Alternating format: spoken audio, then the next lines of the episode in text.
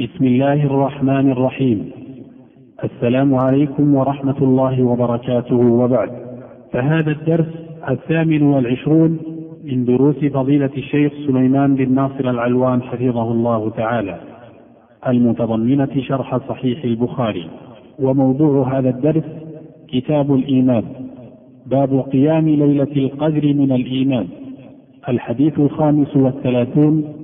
وكان إلقاء هذا الدرس في اليوم الخامس عشر من شهر جماد الآخرة من عام 1422 بسم الله الرحمن الرحيم.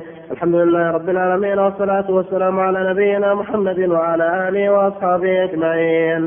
قال المصنف رحمه الله تعالى باب قيام ليلة القدر من الإيمان. حدثنا أبو اليمان قال أخبرنا شعيب قال حدثنا أبو الزناد عن الأعرج عن أبي هريرة قال قال رسول الله صلى الله عليه وسلم من يقم ليلة القدر إيمانا واحتسابا غفر له ما تقدم من ذنبه.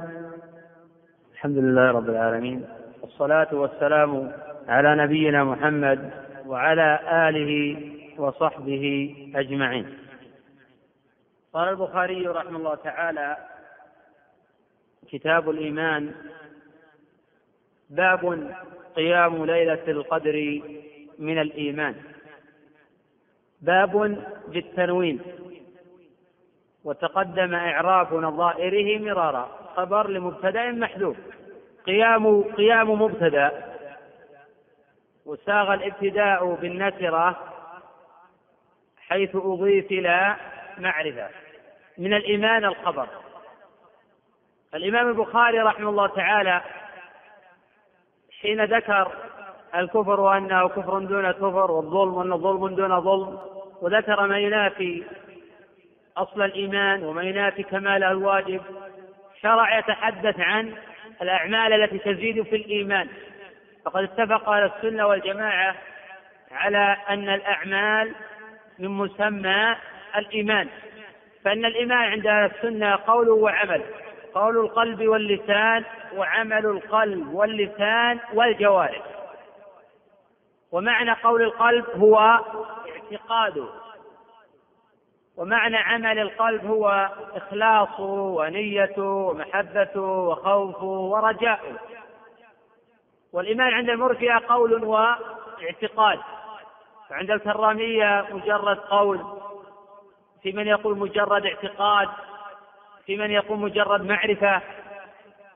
وهذا كله انحراف عن الصواب وانحراف عما دل عليه كتاب الله وسنة رسوله صلى الله عليه وسلم.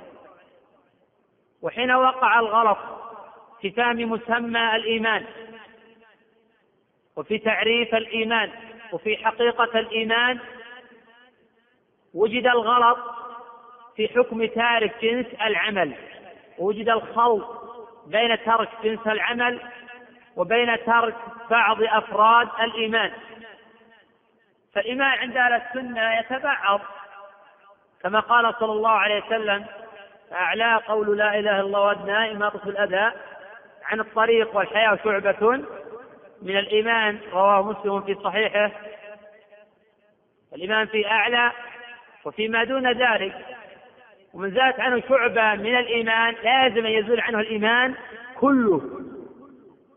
كما تقول الخارج حيث يقول من ذهب منه بعض الإيمان ذهب إيمانه كله.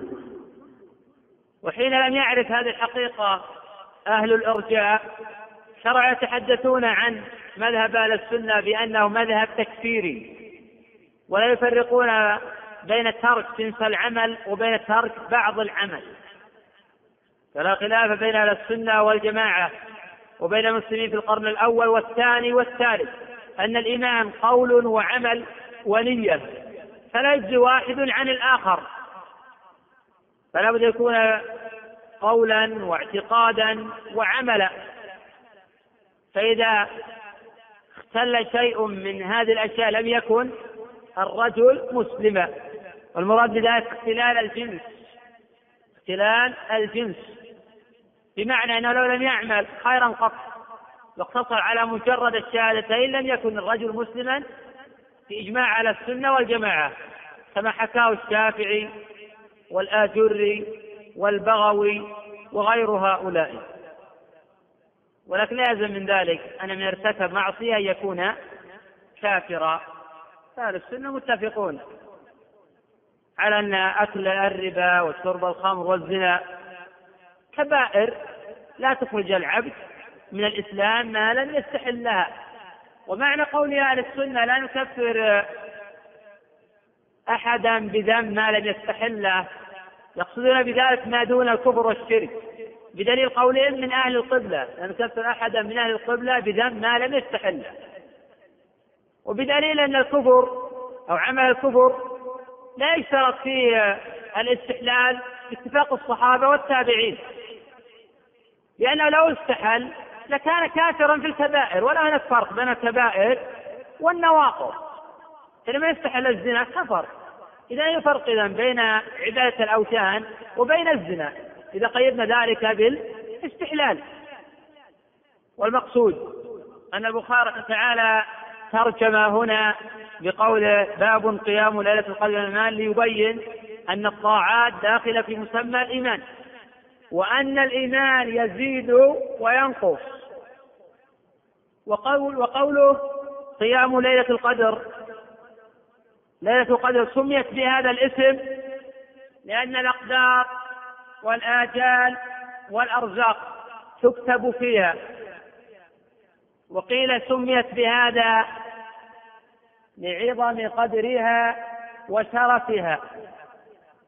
وقيل لأنه من أتى فيها بالطاعات وقبل منه صار ذا قدر. وقيل غير ذلك. وقوله من الإيمان أي من مسمى الإيمان. ولا يلزم من زوال هذا زوال الإيمان. وفرق بين مفردات الإيمان وبين جنس الإيمان. قال الإمام البخاري رحمه تعالى الحديث الخامس والثلاثون. حدثنا أبو اليمان وهو الحكم ابن نافع البهراني الحمصي. مولى امرأة من بهراء وقد تقدم الحديث عنه وأنه ثقة. وقد تكلم جماعة من المحدثين في سماعه من شعيب. فقال الإمام أبو زرعة رحمه الله لم يسمع أبو اليمان من شعيب بن أبي حمزة إلا حديثا واحدا. والباقي إجازة. وقال إبراهيم بن الحسين سمعت الحكم بن نافع يقول قال لي أحمد بن حنبل كيف سمعت الكتب من شعيب بن أبي حمزة؟ فقلت قرأت عليه بعضه وبعضه قرأه علي وبعضه أجاز لي وبعضه مناولة فقال في كله أخبرنا شعيب. وقد جاء عن يحيى بن معين رحمه الله أنه قال سألت أبا اليمان عن حديث شعيب فقال ليس هو مناولة. المناولة لم أخرجها إلى أحد. المناولة لم أخرجها إلى أحد. قال أبو حاتم رحمه الله الحكم بن نافع نبيل ثقة صدوق وقال العجلي لا بأس به. وقال ابن حجر رحمه الله تعالى في هدي الساري مجمع على ثقته اعتمده البخاري وروى عنه الكثير. وروى له الباقون بواسطة. توفي سنة إحدى وعشرين ومئتين وقيل سنة اثنتين وعشرين ومئتين. قال أبو اليمان أخبرنا شعيب وهو ابن أبي حمزة وقد تقدم الحديث عنه.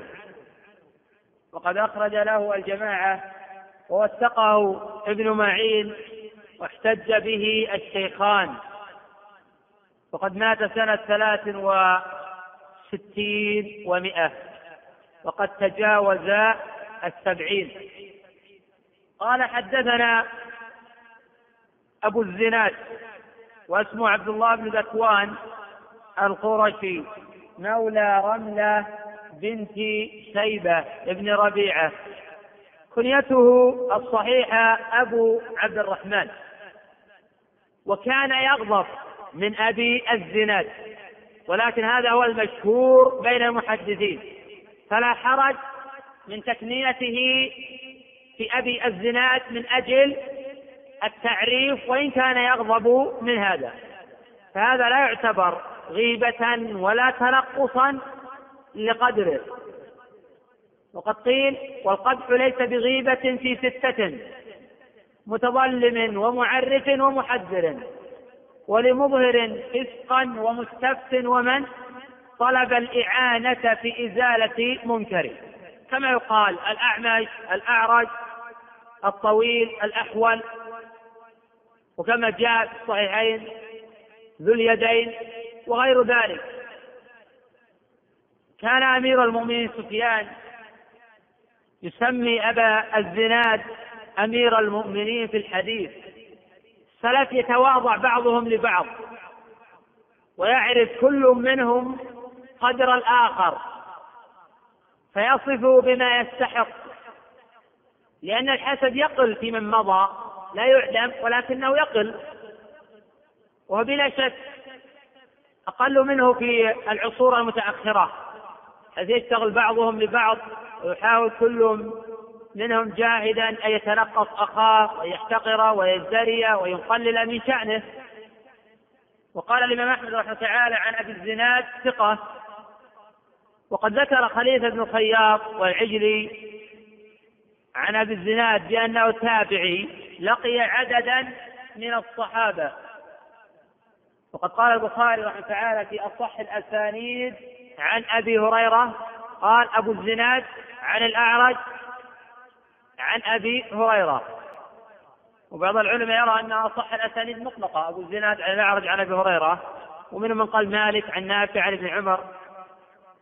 والجزم بذلك في نظر لكن لا بأس يجزم في أصح الأسانيد عن أبي هريرة في أصح الأسانيد عن ابن عمر في أصح الأسانيد عن سهل بن ساعد في أصح الأسانيد عن عبد الله بن عمرو بن العاص في أصح الأسانيد عن أبي بكر في أصح الأسانيد عن عمر في أصح الأسانيد عن عثمان في أصح الأسانيد عن علي. أما أصح إسناد مطلقة فالجزم بذلك في نظر لأن هذا شيء وذاك آخر. مات أبو الزناد سنة ثلاثين ومائة وقد خرج له الجماعة. قال أبو الزناد عن الأعرج. واسمه عبد الرحمن بن هرمز. مولى ربيعة بن الحارث بن عبد المطلب. واتقاه الأئمة وهو من كبار أصحاب أبي هريرة. غير أنه دون سعيد بن المسيب وأبي سلمة وابن سيرين وهذه الطبقة. مات الأعرج في الإسكندرية سنة سبع عشرة ومائة عن أبي هريرة رضي الله عنه. تقدم الحديث عنه تقدمت الإشارة إلى شيء من ترجمته في درس الأمس. متى توفي أبو هريرة؟ نعم. ست وخمسين؟ ست وخمسين؟ صاب ولا أخر طيب متى ولد؟ الصاب الأخ لكن متى ولد؟ طيب متى أسلم؟ السنة السابعة. يعني قبيل وفاة النبي صلى الله عليه وسلم بأربع سنين في غزوة ماذا؟ خيبر. صحيح. كم روى أبو هريرة عن النبي صلى الله عليه وسلم؟ ثلاثة آلاف. أو ألفين. أربعة آلاف أكيد. أكيد. فيه يعني بضع مئة. كم روى أبو هريرة عن النبي صلى الله عليه وسلم؟ كم روى أبو هريرة؟ روى خمسة آلاف وثلاثمائة وبضعة وسبعين. صد. أحسنت روى خمسة آلاف وثلاثمائة وبضعة وسبعين حديثا تقريبا. كلها صحيحة؟ طبعا هذا اللي نقل عنه. طبعا هذا الذي نقل عنه مما اجتهد أهل العلم في تقريبه وضبطه. قال خالد كله صحيح؟ نعم. يعني فيها الصحيح وفيها الضعيف. اي نعم صحيح. فيما هو صحيح فيما هو حسن فيما هو ضعيف فيما هو موضوع. بسبب نقل الرواة عنه. فيما هو غلط مثل لأبي هريرة غلطا صحيح أنه من كلام غيره. فحين ننظر في قوله صلى الله عليه وسلم لا تسبوا أصحابي. غلط فيها بعض الرواة حين جاء من رواية أبي صالح جعله من مسند أبي هريرة. صاب أنه من مسند أبي سعيد كما في الصحيحين. لا تسبوا أصحابي. فوالذي نفسي بيده لو أنفق أحدكم مثل أحد ذهب ما بلغ مد أحد ولا نصيبه. طبعا هذا حديث معدود في مسند أبي هريرة ولكنه لا يصح عن أبي هريرة إنما من كلام أبي سعيد عن النبي صلى الله عليه وسلم. وجه الغلط لما كان المسند أبي صالح جعلوا عن أبي هريرة باعتبار كثرة مرويات أبي صالح عن أبي هريرة ومثل هذا كثير. قال أبو هريرة قال قال رسول الله صلى الله عليه وسلم من يقم ليلة القدر من من اسم شرط جازم من اسم شرط جازم؟ تجزم فعلين. الأول فعل الشرط والثاني جوابه وجزاؤه ولا يتحقق جواب الشرط إلا بتحقق فعل الشرط. يقم فعل مضارع مجزوم على أنه فعل الشرط. والفاعل مقدر. ليلة نصب على الظرفية. يقوم في ليلة القدر. الظرف وقت أو مكان ضمن فيه باضطراد كهنا أنكد أزمنا. ليلة القدر. تقدم قبل قليل لماذا سميت بهذا. وقد قيل في ذلك أقوال. أعد علينا بعضا مما ذكرنا. أعد بعضا مما ذكرنا في سبب التسمية في ليلة القدر. قيل لعظم قدرها وشرفها. وقيل وقيل أن الآجال والأرزاق تكتب فيها. وقيل لأن من أتى فيها بالطاعات وقبل منه صار ذا قدر. جيد. قوله إيمانا واحتسابا. نصب على الحال. نصب على الحال.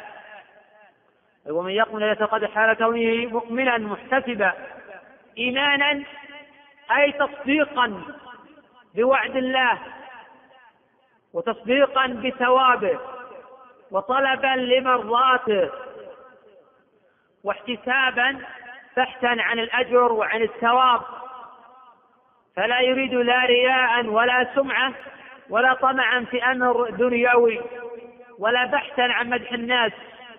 وثنائهم فإذا تخلف واحد من هؤلاء أو من هذين الإيمان والاحتساب فإنه لا ينال الأجر ولا يحصل على الثواب ولو قام الليل كله.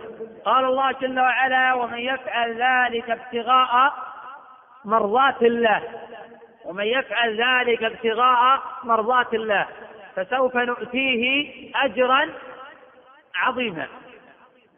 وقد جاء في صحيح مسلم حديث العلاء بن عبد الرحمن بن يعقوب الحرقي مولاهم عن أبي عن أبي هريرة أن النبي صلى الله عليه وسلم قال قال الله تعالى أنا أغنى الشركاء عن الشرك.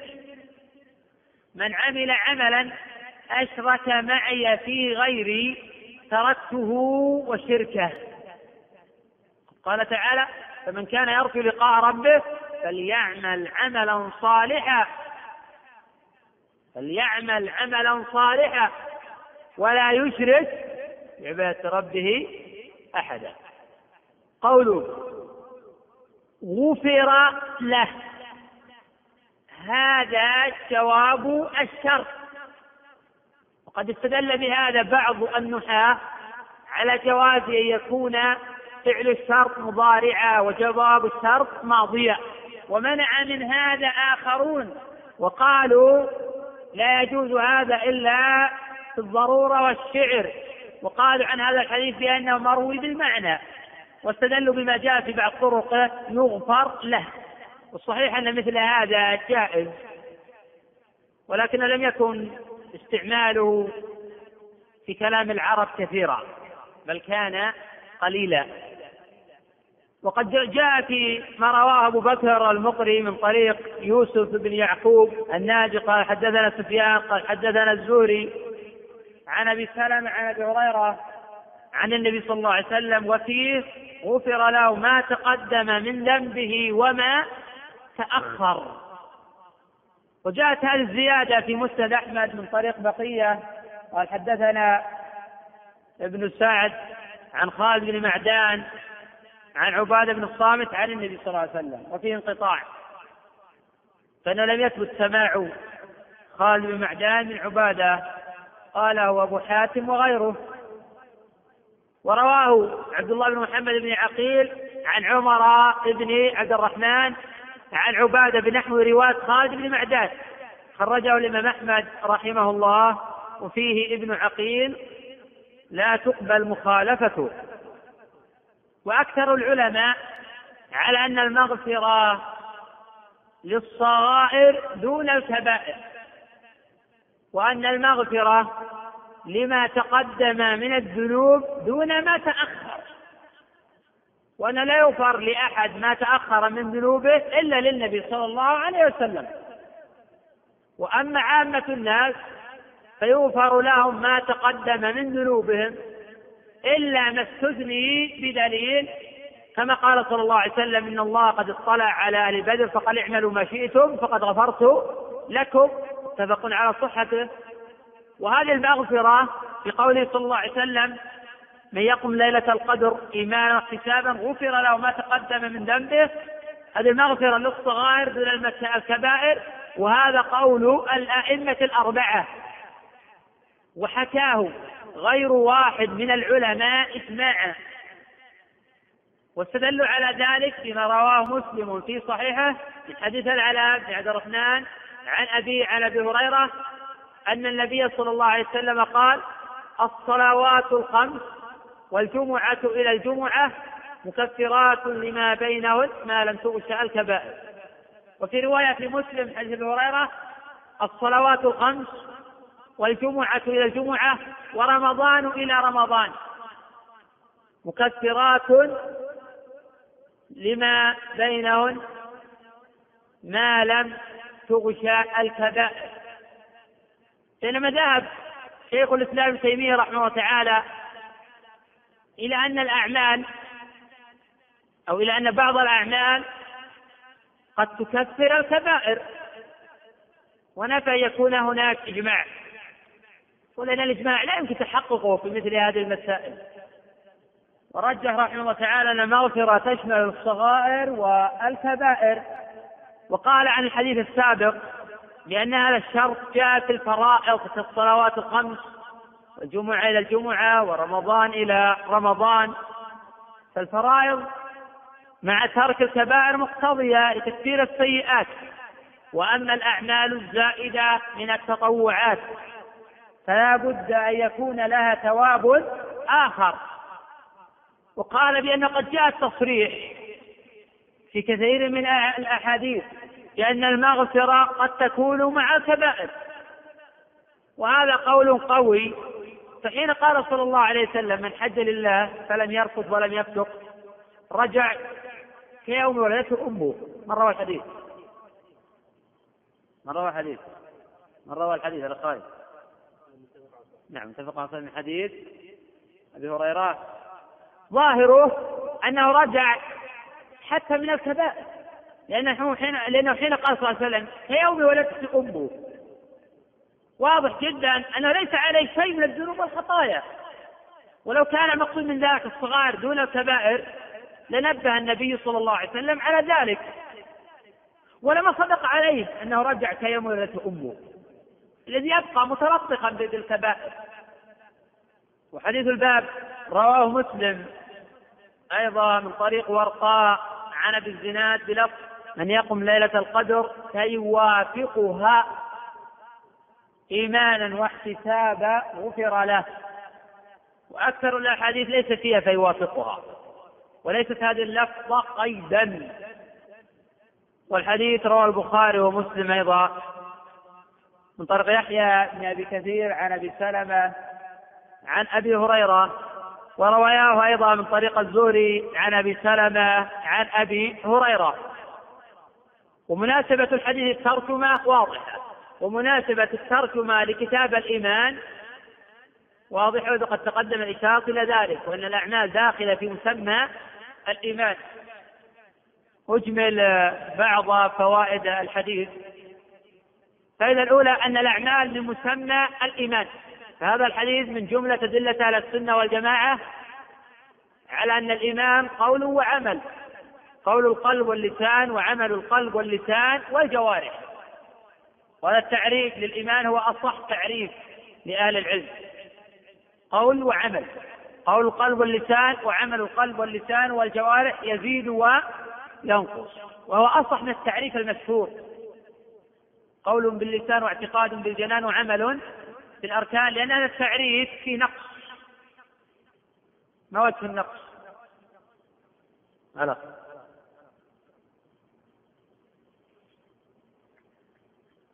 هذا خالد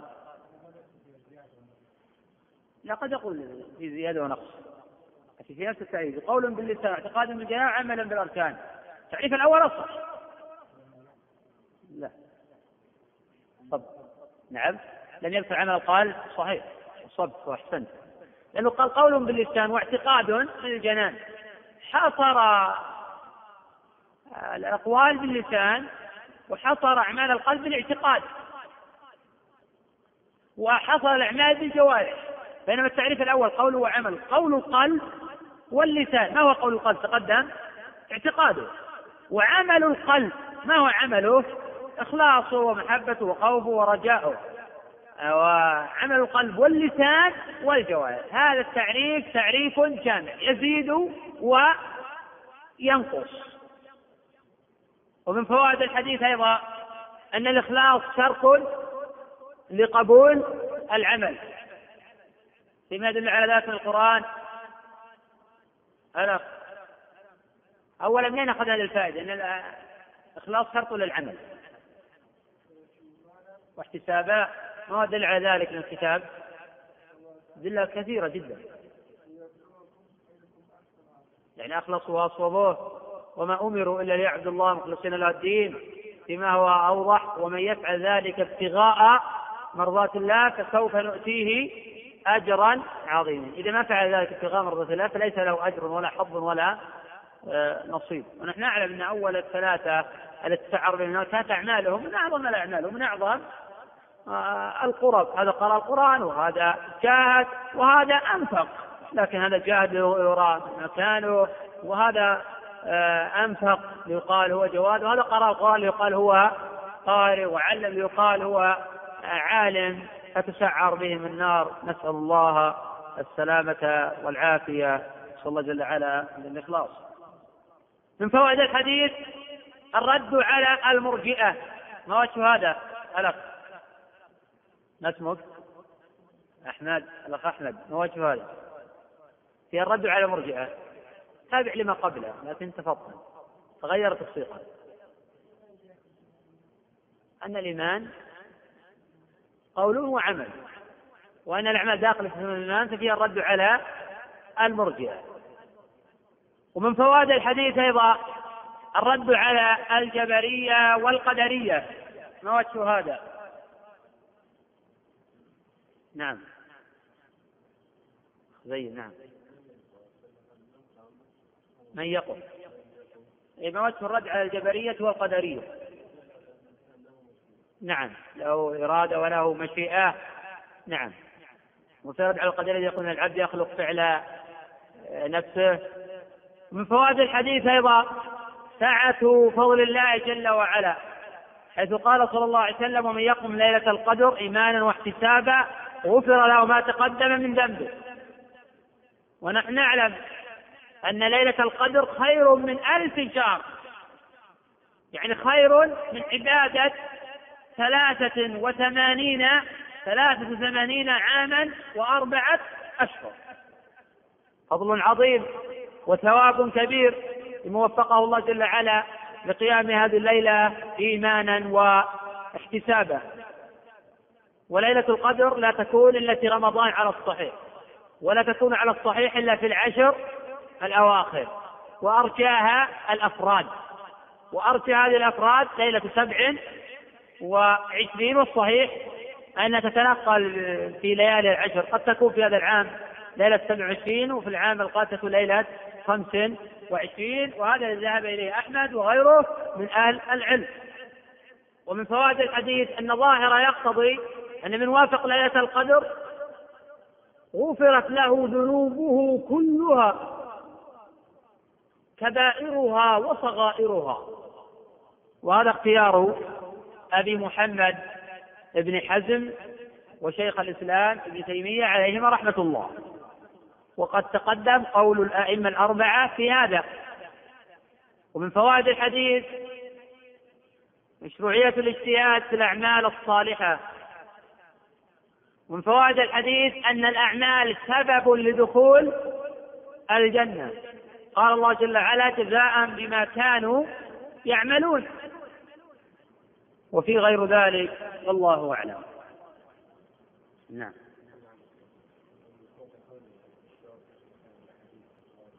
نعم.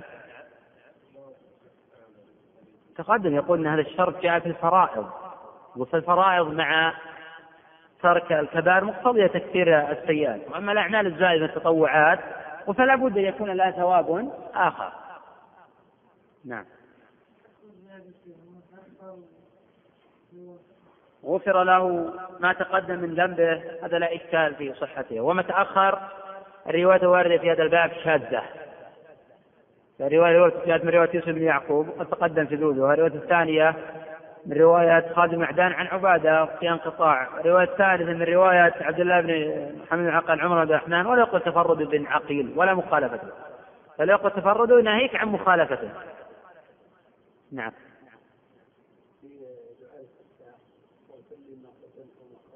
نعم. نعم.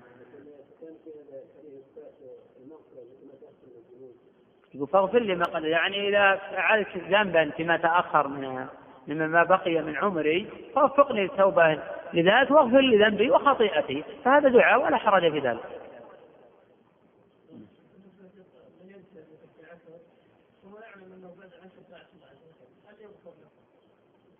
هو نفي المغفرة لما تأخر ليس عاما. نحن نتكلم على هذا الحديث وأن الحديث الواردة في هذا وما تأخر كلها معلولة. ولأن فنحن نعرف أن من صام يوم عرفة كفر له السنة الماضية والسنة القادمة. فكفر عنه وما تأخر لكن التكفير المطلق. إذ ما كفر الذنوب مطلقا تقدم أن هذا خاص بالنبي صلى الله عليه وسلم وأن الله أيضا قال لأهل بدر اعملوا ما شئتم فقد غفرت لكم. نعم.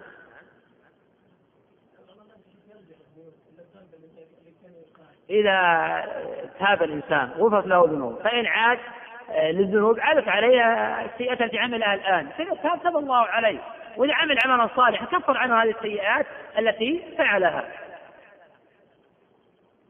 نعم. ما ما ورد النبي صلى الله عليه وسلم كان يقوم الليل كله. ولا ورد هذا صريحا. إنما يفهم من الأحاديث الواردة عن النبي صلى الله عليه وسلم في ليالي العشر. أنه كان يقوم الليل كله ولكن لازم يكون ذلك يكون النبي صلى الله عليه وسلم في صلاة. النبي صلى الله عليه وسلم دخلت العواشر العشر الأواخر شد معذرة وأيقظ أهله وأحيا ليله. هذا ليس صريحا في أنه كان يقوم الليل كله لكن يفهم منه أن النبي صلى الله عليه وسلم كان يصلي معظم آه، الليل ويحتمل كان يكون مستيقظا لكن لا يصلي الليل كله. وهذا متبادر للذهن ولكن واضح حين يقال أيقظ أهله إن الأهل كانوا ينامون. كانوا ينامون. كذلك حين نام النبي صلى الله عليه وسلم ورأى ليلة القدر ظاهر أنه نام. لكن في آخر حياة النبي صلى الله عليه وسلم هل يقال بأنه صلى الله عليه وسلم كان إذا صلى العشاء لا ينام حتى الفجر؟ هذا لا اعلمه صريحا لكن قد يفهم من بعض الأحاديث كقوله في حديث عائشة أيقظ أهله وأحيا ليلة. وقد يقال أنه أحيا معظم الليل. نعم. نعم. أي لا قال إن تجتنبوا كبائر ما تنهى عنك فعن سيئات اجتنبت الكبائر كفت عنك الصغائر. لكن ليس في الآية نفي لكون الإنسان تكفر عنه سيئاته بالأعمال الأخرى.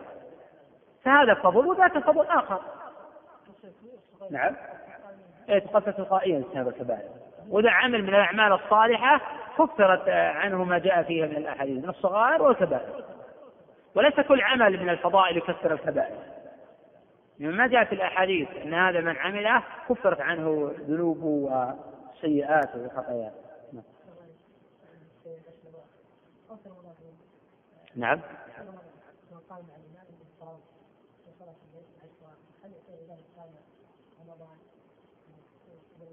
إي نعم إذا قام مع الإمام دخل في هذا الحديث ومن يقم ليلة القدر من إذا صلى القيام مع الإمام فقد دخل في هذا الحديث. شرط أن يكون قيامه مع الإمام إيمانا واحتسابا. نعم ولو لم يصلي بعده. نقتصر في على الدعاء لأن المشروع لا يزيد على 11 ركعة كما في الصحيحين عن عائشة ما كان رسول الله صلى الله عليه وسلم يزيد في رمضان ولا في غيره على 11 ركعة كان يصلي أربعا فلا تسأل عن حسنهن وطولهن ثم يصلي أربعا فلا تسأل عن حسنهن وطولهن ثم يصلي ثلاثة. فظاهر هذا أن النبي صلى الله عليه وسلم كان في العشر يطيل القيام ويطيل الركوع والسجود ولا يزيد على إحدى عشرة ركعة. فأمتد قيامه ويطول حينئذ الوقت.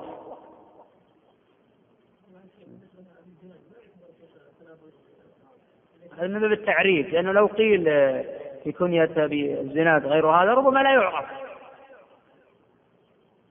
فيأتي من لا يحسن علم الحديث يظنه مجهولا أو يضعف هذا الحديث بناء على أنه لا يعرفه. هذا من باب التعريف. فإسماعيل بن علي كان يغضب إذا قيل إسماعيل بن علي نسبة إلى أمه. ولكن كانت لا يسمون إسماعيل بن علي هكذا اشتهر وعرف بين المحدثين لأنه لو قيل إسماعيل بن قد لا يعرفه من لا يحسن هذا العلم ولا يحسن هذا الباب ومن لا يحفظ الأسماء ولا الكنى. ونحو ذلك. فيقال من باب التعريف وليس من باب التنازل قال كان رجل قيل له فقام رجل يديه طول على وجه التعريف قالوا هذا كما في الصحيحين.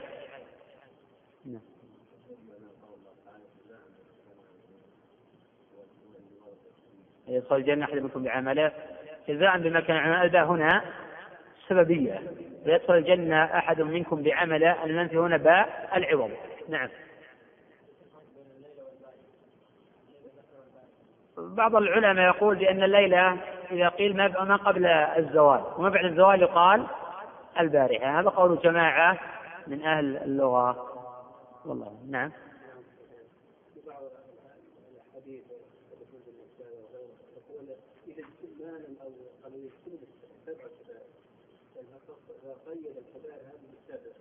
لكن ما أعلم رواية صحيحة في هذا رواية شاذة في هذا الباب.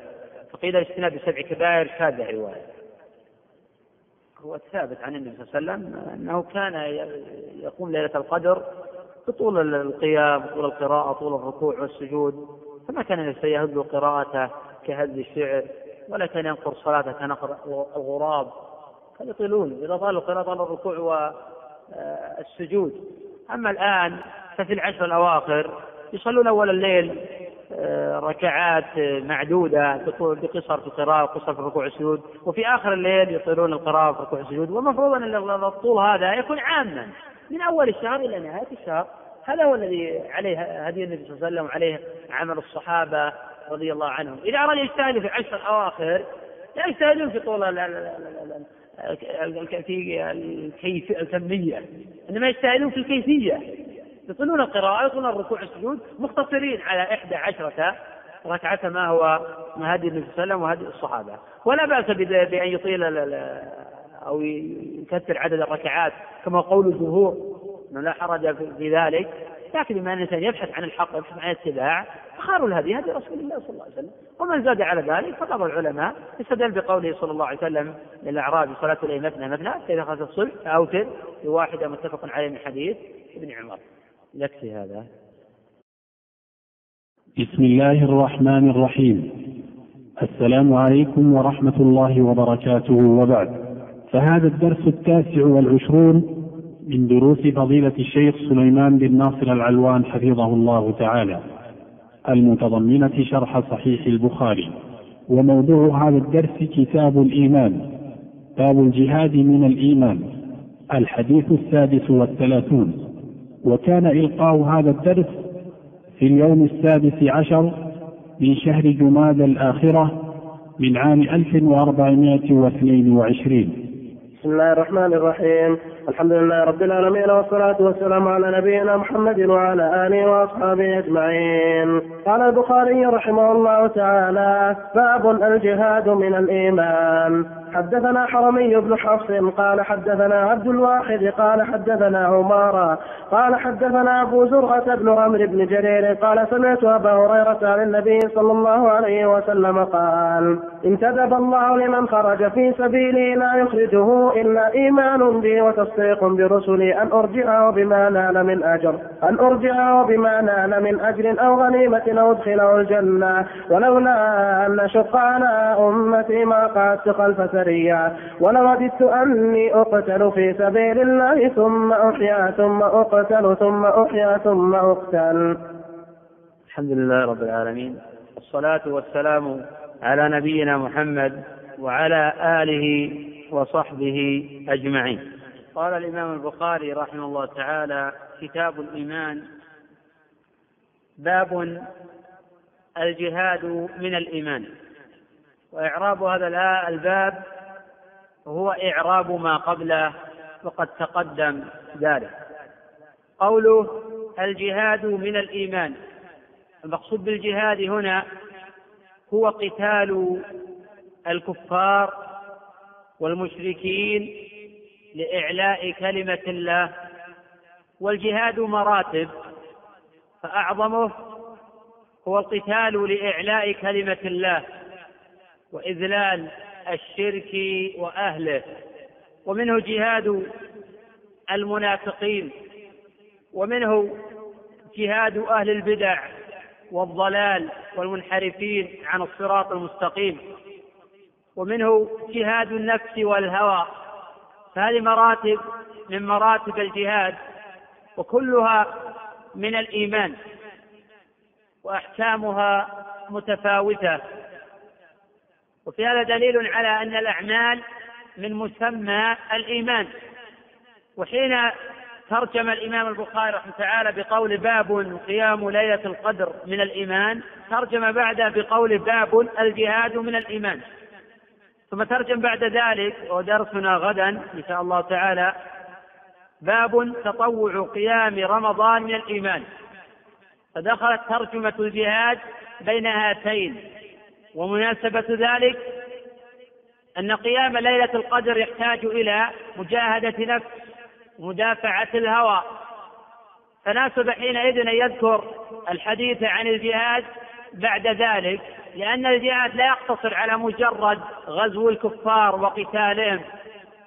فإنه كما يتضمن هذا ويشمله فإنه يتضمن مجاهدة النفس والهوى ومجاهدة النفس على القيام بالطاعات والمثابرة عليها ونحو ذلك. المقصود من قول البخاري رحمه تعالى الجهاد من الإيمان هو جهاد الكفار كما تقدم وهو نوعان. جهاد دفع وجهاد طلب. وقد دلت الأدلة على النوعين. وأما جهاد الدفع فلا يكابر فيه أحد. وأما جهاد الطلب فقد تحدث عنه بعض المتأخرين من المنهزمين فكريا وعلميا وقالوا إنه غير مشروع وجاهدوا على تأويل بعض الآيات والأحاديث الواردة في هذا الباب. وهذا في نظر. فجهاد الطلب تواترت الأدلة به ودل عليه القرآن ودلت عليه السنة وأجمع عليه الصحابة. قال الله جل وعلا يا أيها الذين آمنوا قاتلوا الذين يلونكم من الكفار. وقال تعالى قاتلوا الذين لا يؤمنون بالله ولا باليوم الآخر ولا يحرمون ما حرم الله ورسوله ولا يدينون دين الحق من الذين أوتوا الكتاب حتى يعطوا الجزية عن يد وهم صاغرون. فقد تضمنت هذه الآية ثلاثة أحكام. الحكم الأول وهو الأصل دعوته من الإسلام. ليكون الدين كله لله ولتكون كلمة الله هي العليا وكلمة الذين كفروا هي السفلى. فإن أجابوا إلى ذلك وجب الكف عنهم فلهم ما للمسلمين وعليهم ما على المسلمين. إن أبوا وامتنعوا وكابروا فيجب قتالهم إلا إن بذلوا الجزية. إذا المرتبة الثانية بذل الجزية. إذا امتنعوا عن دفع الجزية وجب قتالهم. والآية الصريحة في قتال الذين كفروا من أهل الكتاب وهم اليهود والنصارى. وقد قال النبي صلى الله عليه وسلم أمرت أن أقاتل الناس حتى يشهدوا أن لا إله إلا الله وأني رسول الله. والحديث متفق على صحته من حديث عبد الله بن عمر بن الخطاب. قال الإمام البخاري رحمه تعالى الحديث السادس والثلاثون. الحديث السادس والثلاثون. حدثنا حرمي ابن حفص أي ابن عمر العتكي القسملي أبو علي البصري. ذكره ابن حبان في ثقاته وقال الإمام أبو حاتم رحمه الله أدركته وهو مريض ولم أكتب عنه. وروى له البخاري. وأما أبو داود النسائي فروي عن رجل عنه ومات سنة ثلاث وعشرين ومائتين قال حدثنا عبد الواحد وهو ابن زياد العبد مولاهم أبو بشر البصري واتقاه أبو زرعة وأبو حاتم. وقال ابن سعد كان ثقة كثير الحديث. وقال الدار قطني ثقة. وقال ابن عبد البر أجمعوا لا خلاف بينهم أجمعوا لا خلاف بينهم أن عبد الواحد بن زياد ثقة. أجمعوا لا خلاف بينهم أن عبد الواحد بن زياد ثقة ثبت. وقد تكلم فيه جماعة من المحدثين ولا سيما في روايته عن الأعمش. وهذا يعني أن جماع ابن عبد البر ليس بدقيق. قال أبو داود رحمه الله تعالى عمد يعني عبد الواحد بن زياد إلى أحاديث كان يرسلها الأعمش فوصل كلها. يقول حدثنا الأعمش حدثنا مجاهد في كذا وكذا ومع هذا فقد عده ابن معين رحمه الله من أثبت أصحاب الأعمش بعد سفيان وشعبة وبعد أبي معاوية. وقال الإمام ابن عدي رحمه الله تعالى وقد حدث عنه الثقات المعروفون بأحاديث مستقيمة عن الأعمش وغيره وهو ممن يصدق في الروايات. والصحيح في عبد الواحد أنه ثقة إلا في بعض أحاديثه عن الأعمش. كروايته الأمر بالضجعة عقب ركعتي الفجر. وهذا الحديث رواه الترمذي وغيره وفي صحته نظر. المحفوظ أن هذا من فعل النبي صلى الله عليه وسلم لا من قوله ولا أمره. والغلط في ذلك من عبد الواحد بن زياد. أخطأ على الأعمش في هذا. وقد مات عبد الواحد سنة ست وسبعين ومائة قاله الترمذي وغيره وقال الإمام أحمد رحمه الله مات سنة سبع وسبعين ومائة وقال البخاري سنة تسع وسبعين ومائة روى له الجماعة. قال حدثنا عمارة وهو ابن القعقاع ابن شبرمة الضبي الكوفي. قال علي بن المديني رحمه الله له نحو ثلاثين حديثا. وثقه ابن معين والنسائي ويعقوب بن سفيان.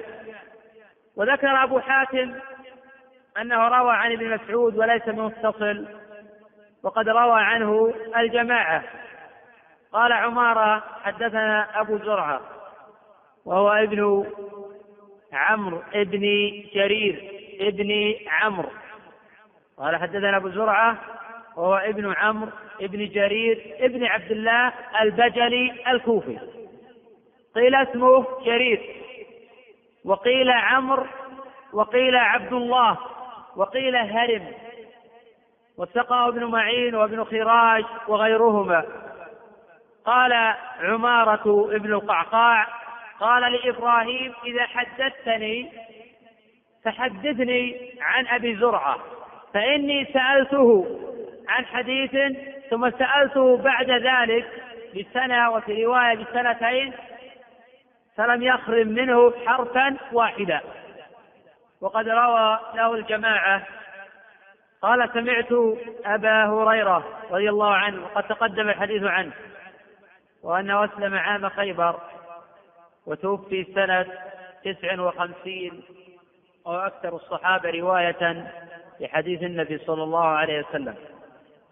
عن النبي صلى الله عليه وسلم قال انتدب الله لمن خرج في سبيله. قوله انتدب الله. قد جاء في رواية في الصحيحين طريق بالزناد عن الأعرج عن أبي هريرة أن النبي صلى الله عليه وسلم قال تكفل الله. وفي رواية عند مسلم من طريق جرير عن عمارة قال تضمن الله وهذه ألفاظ مترادفة والمعنى واحد. فقد تكفل الله لمن خرج في سبيله لا يخرج إلا إيمان بي وتصديق برسلي أي إلا إيمان بالله وتصديق برسل الله أن أرجعه بما نال من أجر أو غنيمة. قوله لمن خرج في سبيله أي في قتال الكفار والمشركين ونصرة هذا الدين. فإن الجهاد في سبيل الله من أعظم القرب. وقد جاء في الصحيحين واللفظ للبخاري من طريق أبي صالح عن أبي هريرة قال جاء رجل إلى رسول الله صلى الله عليه وسلم فقال دلني على عمل يعدل الجهاد.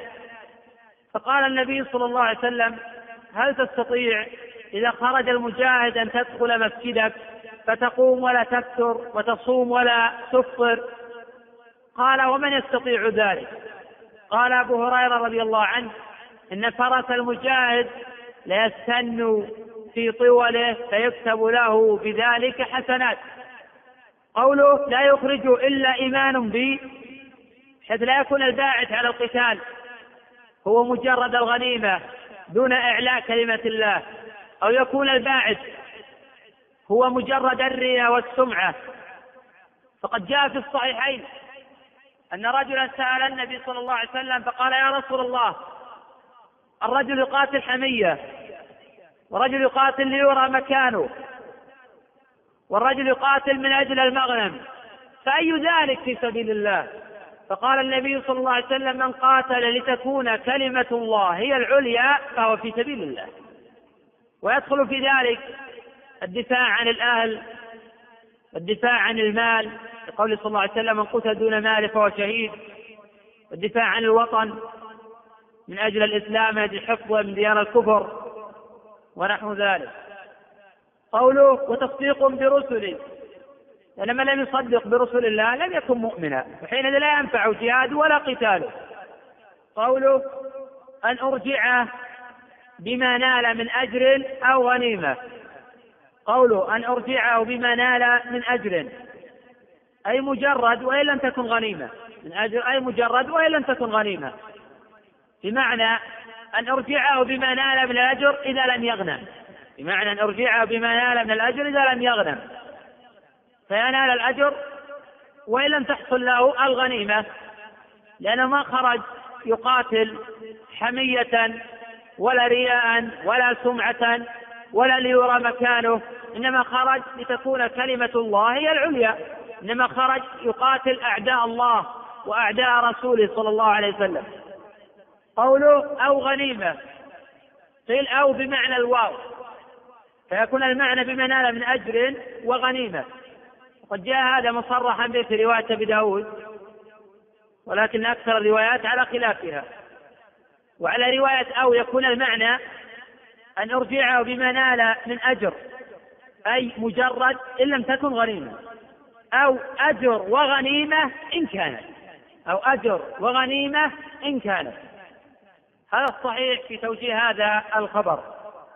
وقد قيل إن الذي يغنم ينقص أجره ولا يكون بمنزلة الذي لا يغنم. وقد جاء في صحيح مسلم من طريق أبي هاني عن أبي عبد الرحمن الحبلي عن عبد الله بن عمرو بن العاص أن رسول الله صلى الله عليه وسلم قال ما من غازية تغزو في سبيل الله فيصيبون الغنيمة إلا تعجلوا ثلثي أجرهم إلا تعجلوا ثلثي أجر من الآخرة ويبقى لهم الثلث. وإن لم يصيبوا غنيمة تم لهم أجرهم. وقد قيل بأن هذا الحديث محمول على من خرج بنية الجهاد والمغنم. وهذا يجوز فيها التشريك. لأنه لم يرد لا رياء ولا سمعة. قصد وجه الله والمغنم. ولكن تكون الغنيمة في مقابلة جزء من الأجر. هذا أحد الأقوال في تفسير هذا الخبر. وقد قيل كما سبق إن الذي يغنم ينقص أجره ولو لم تكن من نيته المغنم. ولعل الأقرب أن يقال إن حديث عبد الله بن عمرو بن العاص محمول على من خرج بنية الجهاد والمغنم جمعا بينه وبين الأدلة الأخرى. وقد حكى غير واحد من أهل العلم الإجماع على أن من خرج مقاتلا في سبيل الله بنية الأجر والمغنم أنه لا يأثم إنما وجد الخلاف هل ينقص أجره أم لا.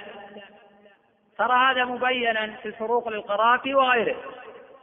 قوله أو أدخله الجنة حيث يستشهد. إن من خرج مقاتلا في سبيل الله مؤمنا بالله ومصدقا برسل الله ثم استشهد فهو في الجنة. ولكن هل يحكم على العين أم لا؟ أكثر العلماء قالوا يقال من قتل في سبيل الله فهو شهيد ولا يقال فلان شهيد. لكن ترجى له الشهادة. قوله ولولا أن أشق على أمتي ما قعدت خلف سرية. لأنه لو خرج صلى الله عليه وسلم ما بقي أحد فيه خير. إلا انطلق مع النبي صلى الله عليه وسلم. وهذا يشق على أمته. والنبي صلى الله عليه وسلم لا يبحث عما يشق على الأمة. ولهذا امتنع النبي صلى الله عليه وسلم من الخروج والسير خلف كل سرية. ليس جبنا ولا خوفا ولكن مراعاة لمصالح المسلمين. والتي يؤخذ من هذا الحديث ترك بعض المصالح لمصلحة راجحة لأن نعلم أن النبي صلى الله عليه وسلم أشجع الناس. ومع هذا يقول صلى الله عليه وسلم ولولا أن أشق على أمتي ما قعدت خلف سرية والسبب ما تقدم ذكره. خشية أن يشق على الضعفاء وعلى المسلمين. قوله ولوددت أني أقتل في سبيل الله ثم أحيا. ثم أقتل ثم أحيا ثم أقتل. وذلك لما في الشهادة من الأجر العظيم والثواب الكبير. وقد قال أنس رضي الله عنه قال قال رسول الله صلى الله عليه وسلم ما أحد يدخل الجنة يحب أن يرجع إلى الدنيا وله ما على الأرض من شيء إلا الشهيد. يتمنى أن يرجع إلى الدنيا. فيقتل عشر مرات لما يرى من الكرامة. وهذا الخبر متفق على صحته. من طريق شعبة عن قتادة عن أنس بن مالك رضي الله عنه. ومن فضائل الشهيد أنه يغفر له مع أول قطر الدم. ويغفر للشاهد كل شيء إلا الدين. كما جاء هذا في صحيح مسلم من حديث عبد الله بن عمرو بن العاص. وفي البخاري من طريق ابي الزناد عن الأعرج عن أبي هريرة وفي الصحيحين من طريق همام عن أبي هريرة أن النبي صلى الله عليه وسلم قال والذي نفسي بيده لا يكلم أحد في سبيل الله والله أعلم بمن يكلم إلا جاء يوم القيامة اللون لون الدم والريح ريح المسك. ولا يجد الشهيد ألم القتل في سبيل الله إلا كما يجد أحدنا قرصة النملة. جاء هذا في سنن أبي داود وغيره. وهذا الخبر حديث الباب. بقي بعض الفوائد أذكرها إن شاء الله في بيان مجمل فوائد الحديث. حديث رواه مسلم من طريق جرير عن عمارة. إذا في متابعة لعبد الواحد ولم يتفرد به. وجاء الخبر في الصحيحين. من طريق أبي الزناد عن الأعرج عن أبي هريرة دون آخره. وللحديث طرق أخرى في الصحيحين وغيرهما. مناسبة الحديث للترجمة واضحة. ومناسبة الترجمة لكتاب الإيمان واضحة أيضا. وذلك أن الجهاد من الإيمان. ففي أن الأعمال داخلة في مسمى الإيمان. وفي أن من الأعمال ما ينافي أصل في أن من الأعمال ما هو من أصل الإيمان. وفي من الأعمال ما هو من واجباته. كما ترك العمل فيما ينافي أصل الإيمان وفيما ينافي كماله الواجب. أجمل فوائد الحديث. الأولى في أن الأعمال من مسمى الإيمان ففيها الرد على المرجئة. وفي الحديث أيضا الرد على الخوارج. الفائدة الثانية في فضل الجهاد. وقد قال تعالى ولا تحسبن الذين قتلوا في سبيل أمواتا بل أحياء عند ربهم يرزقون. فرحين بما آتاهم الله من فضله. ويستبشرون بالذين لم يلحقوا بهم من قلبهم ألا خوف عليهم ولا هم يحزنون. ومن فوائد الحديث فضل الشهادة في سبيل الله. يقول النبي صلى الله عليه وسلم من سأل الله الشهادة صدقا من قلبه بلغه الله منازل الشهداء وإن مات على فراشه. حديث صحيح من رواه. من رواه؟ من رواه؟ من رواه؟ مسلم؟ شيء صحيح رواه مسلم. صحابيه؟ الأخ محمد؟ نعم سائر بن حنيفة وجاء بمعناه أيضا في حديث من حديث.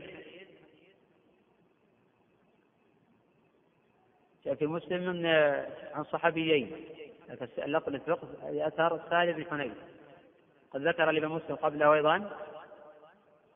حديثا من رواية أنس رضي الله عنه. نعم. نعم. ومن فوائد الحديث أيضا فضيلة الإخلاص وأنه شرط لصحة العمل. ومن فوائد الحديث أيضا فيها الوعيد الشديد على من قاتل رياء وسمعة أو بحثا عن الجاه والمنصب أو حمية أو عصبية ونحو ذلك من صنيع أهل الجاهلية. فالجهاد لا يقبل إلا إذا كان خالصا وابتغي به وجه الله. فإن قيل الذي يقاتل دفاعا عن بلاده قد لا يستحضر هذه النية. نقول هذا الجهاد في الجملة مشروع ما دام يدافع عن أراضي المسلمين فهذا في الجملة مشروع. إن تظهر هذه النية فهذا أعظم أجرا لكن لا يعني أن هذا لا ينال أجرا في من يدافع عن بلاده الذين يدافعون عن أرض فلسطين. أو لا شيء يدافع عن أرض المسلمين. هؤلاء يجرون ولهم ثواب عظيم وأجر كبير. وإن لم يستحضروا هذه النية؟ ما دام يدافعون عن أراضي مقدسة يدافعون عن بلاد المسلمين فهذا هو الجهاد. المطلوب لا يشترط يكون الجهاد ابتداء أي جهاد طلب. فجهاد الدفع لا في أجر عظيم وفي ثواب كبير وهو واجب بإجماع الأمة واجب على المستوطنين. وإذا لم تقم الكفاية بهم فيجب على من حولهم أن يقاتلوا معهم حتى يحصل المطلوب. إذا لم يتهيأ يجب على المسلمين كافة أن يستنهضوا هممهم ويعدوا عدتهم للدفاع عن أراضي المسلمين. ومن فوائد الحديث أيضا في تمني الشهادة. لأن النبي صلى الله عليه وسلم تمنى الشهادة. من فوائد الحديث في شجاعة النبي صلى الله عليه وسلم. ما وجه هذا؟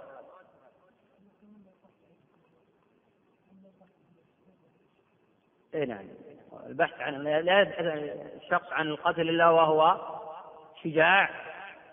والنبي صلى الله عليه وسلم لا يحدث إلا صدقا ولا يتمنى إلا ما هو حريص على فعله بخلاف عامة قد يتمنى شيئا وقد يتخلف حين يتحقق الشيء. لكن بالنسبة للنبي صلى الله عليه وسلم هذا لا يمكن أبدا محال من فوائد الحديث أيضا في إثبات البعث والجزاء. ما وجه هذا يا عبد الرحمن؟ إثبات إثبات البعث والجزاء.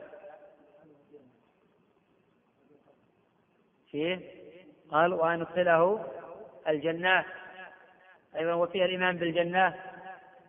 ومن فوائد الحديث أيضا في ترك بعض المصالح لمصلحة أرجح.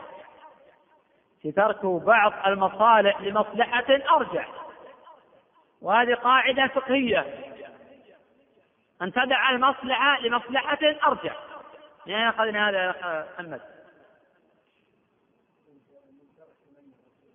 ولولا نشق على أمتي ما قعدت خلف سرية. من فوائد الحديث في أن الجهاد فرض كفاية.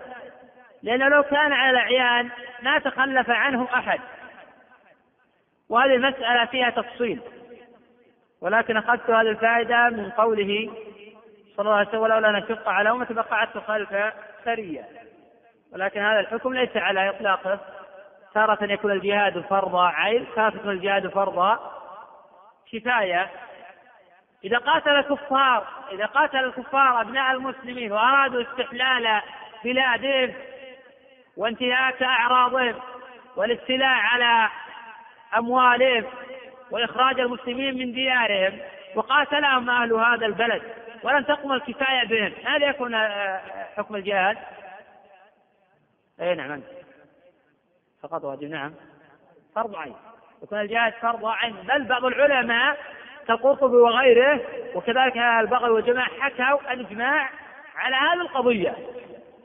ولكن بعضهم فصل قال يجب على من قرب منهم إلى أن تقوم بهم الكفاية. فإذا لم تقم بهم الكفاية على من بعدها إلى أن تقوم الكفاية آه، المطلوبة. من فوائد الحديث في أن الأعمال سبب لدخول الجنة. الأخ خالد منين نأخذ هذه الفائدة؟ فإن الأعمال سبب لدخول الجنة.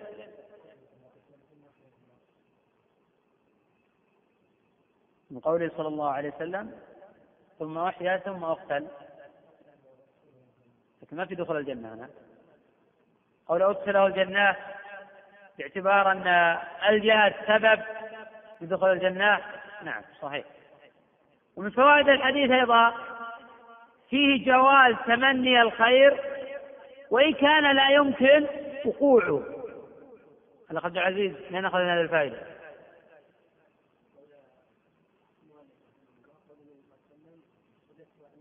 من قول صلى الله عليه وسلم ولو وددت أني أقتل في سبيل ثم أحيا. لأنه لا يمكن يقتل ثم يحيى لكن لا بأس يتمنى الإنسان ذلك ما لأجل التحسر ونحو ذلك. وفي الحديث فوائد كثيرة نقتصر على هذا والله أعلم. نعم. هذا في الجملة حديث من مات ولم يغزو ولم يحدث نفسه بالغزو مات على شعبة من النفاق رواه مسلم في صحيحه من حديث أبي هريرة رضي الله عنه. هذا يدل على تمني الخير وعلى تمني الجهاد. فإن قيل ما الجمع بين هذا وبين قوله صلى الله عليه وسلم لا تتمنوا لقاء العدو؟ من يجمع بينهما؟ قوله صلى الله عليه وسلم في أحاديث متواترة في البحث عن الجهاد البحث عن القتال البحث عن الشهادة حتى النبي صلى الله عليه وسلم قال مات ولن يغزو ولن يحدث نفسه بالغزو.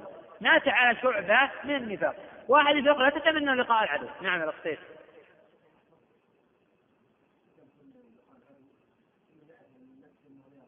نعم. نعم هذا أحسن ما قيل في الجواب.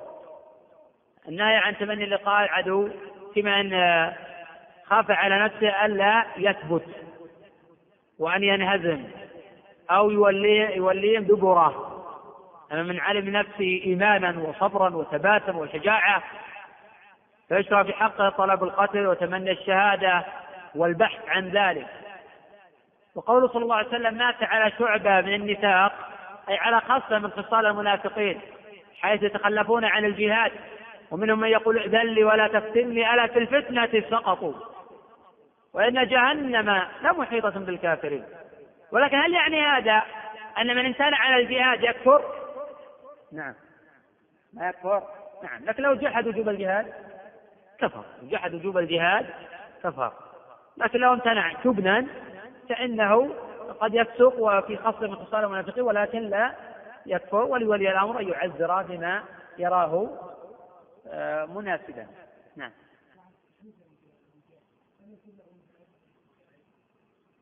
إي نعم. التجهيز إذا ما استطاع الإنسان أن يقاتل بنفسه فلا أقل من كونه يبذل ماله للمجاهد. من جهز غازيا فقد غزا. وفي آه، سنن أبي داود بسند على شرط مسلم من رواية حماد بن سلمة عن حميد الطويل عن أنس أن النبي صلى الله عليه وسلم قال جاهدوا المشركين بأموالكم وأنفسكم وألسنتكم.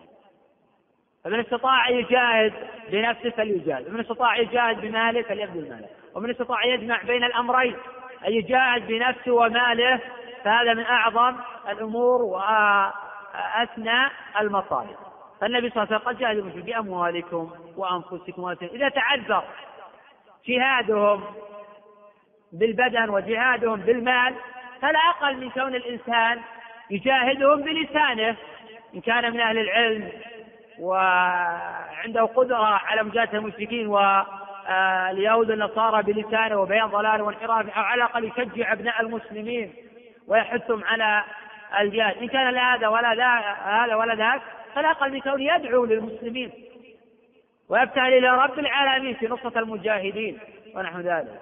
المهم لا يكون بعد منافقا ان بعض الناس لا يجاهد لا بماله ولا بنفسه ولا بلسانه ويخذل عن الجهاد. ويتشبه بالمنافقين. ويشكك في جهاد المسلمين. يقول هؤلاء عندهم قبور وهؤلاء عندهم كذا ولا يدري عنه ولا يعرف شيئا عن واقعهم.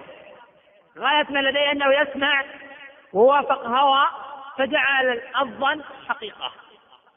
وليس به إلا الجبن والخوف والهلع. ولا الجهاد الآن قائم. ولا ينقطع الجهاد. وقد قال الإمام أحمد على قوله صلى الله عليه وسلم الخيل معقود في نواصي الخير إلى يوم القيامة في دليل على أن الجهاد لا ينقطع إلى أن تقوم الساعة. الجهاد القائم في الشجان الشجان جهاد شرعي لقتال الروس المعتدين. الجهاد القائم في فلسطين جهاد شرعي للدفاع عن الأراضي المقدسة بغض الطرف عن الحكومة العلمانية ونحو ذلك.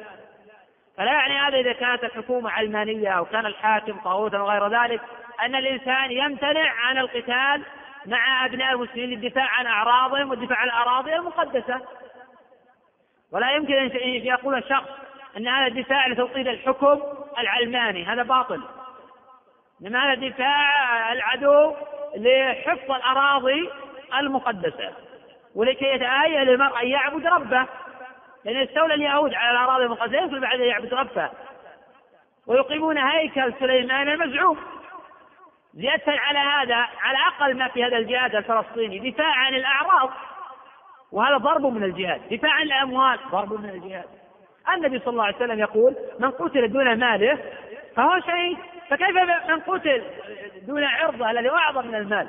فكيف من قتل دون الأراضي المقدسة هذا أعظم من ذا وذاك؟ فكيف إذا اجتمعت هذه الأمور؟ قد يقول أيضا قائل في هؤلاء منحرفون فيهم علمانيون فيهم من لا يعرف ربه فيهم من لا يصلي فيهم مشركون. نقول هذا قد يوجد. هذا قد يوجد ولا نحن لا يمكن وجود هذا. لكن هل الدفاع عن شرك هؤلاء أو عن علمانية هؤلاء أو عن ضلال هؤلاء أو أن الجهاد قائم إعلاميا وعالميا وظاهرا وباطنا للدفاع عن الأرض المقدسة. كل عاقل يعرف أن هذا الجهاد قائم للدفاع عن الأرض المقدسة. ما في أحد يقول أن هذا الجهاد قائم للدفاع عن المشركين أو للدفاع عن حكم شيوعي عن حكم علماني ونحو ذلك. حتى في الظاهر الجهاد قائم للدفاع عن المسلمين وعلى الأراضي المقدسة. وكفى بهذا كفاية في الحث على هذا الجهاد والحث على هذا آه، القتال. وعلى أقل تقدير مع أني لا أقول ولا أعتقده مواجهة بين هؤلاء وهؤلاء وهؤلاء أقرب إلى الحق من اليهود. مع أن هذا باطل ولا يصح اعتقاده ولا قوله. الجملة فيهم مسلمون فيهم صالحون وعلى الأقل دفاع عن الأرض المقدسة وعلى الأقل إذا كنت تعتقد أن هؤلاء فيهم وفيهم وفيهم وفيهم يجب عليك إذا أنت القتال أن تدافع عن الأرض المقدسة. ويتعين عليك وجوبا عينيا. لا يحق لك أن تتخلف عنه. الله المستعان. نعم. السرية القطعة من الجيش. السرية القطعة من الجيش. وقد قيل أن السرية لو قطعت التي ما لم يخرج معها النبي صلى الله عليه وسلم. هذا قول لا يعتمد عليه وليس هو يعني دليل عليه أو دل عليه لغة أو شرع ونحو ذلك. إنما استقرأه بعض العلماء فقاله. نعم.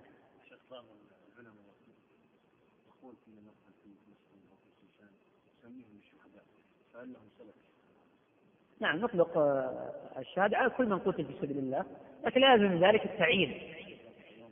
نقول من قتل في الشجاع فهو شهيد من قتل في فلسطين فهو شهيد لكن لا نحكم عليه بعينه بأنه شهيد. لأن لا ندري عن باطنه. قد يكون قاتل رياء أو سمعة قد يكون حمية أو عصبية وغير ذلك. لكن في الجملة نطلق عليهم شهداء ولا نتحدث عن نياتهم ولا نشكك في مقاصدهم ولا في أفعالهم. فنقول من قتل في سبيل الله فهو شهيد. أما الحكم على التعيين فالأظهر والعلم عند الله أنه لا يحكم على رجل بعينه بأنه قتل شهيدا لأن الحكم عليه بأنه قتل شهيدا قد نحكم عليه بأنه في الجنة. وبعض العلماء نفى هذا. قد يجوز الحكم على أعيانهم في الدنيا ولا يلزم من ذلك الحكم عليهم في الآخرة. نعم الأخ خالد.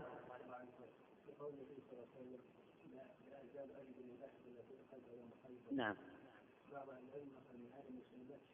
اي نعم صحيح. اي نعم قال غير واحد من العلم أن وسلم مات شهيدا ولكن لم يكن شهيد معركه انما حين وضع له السم. ونحن نعلم أن النبي صلى الله عليه وسلم قال المبطون شهيد. بهذا الاعتبار مات النبي صلى الله عليه وسلم شهيدا.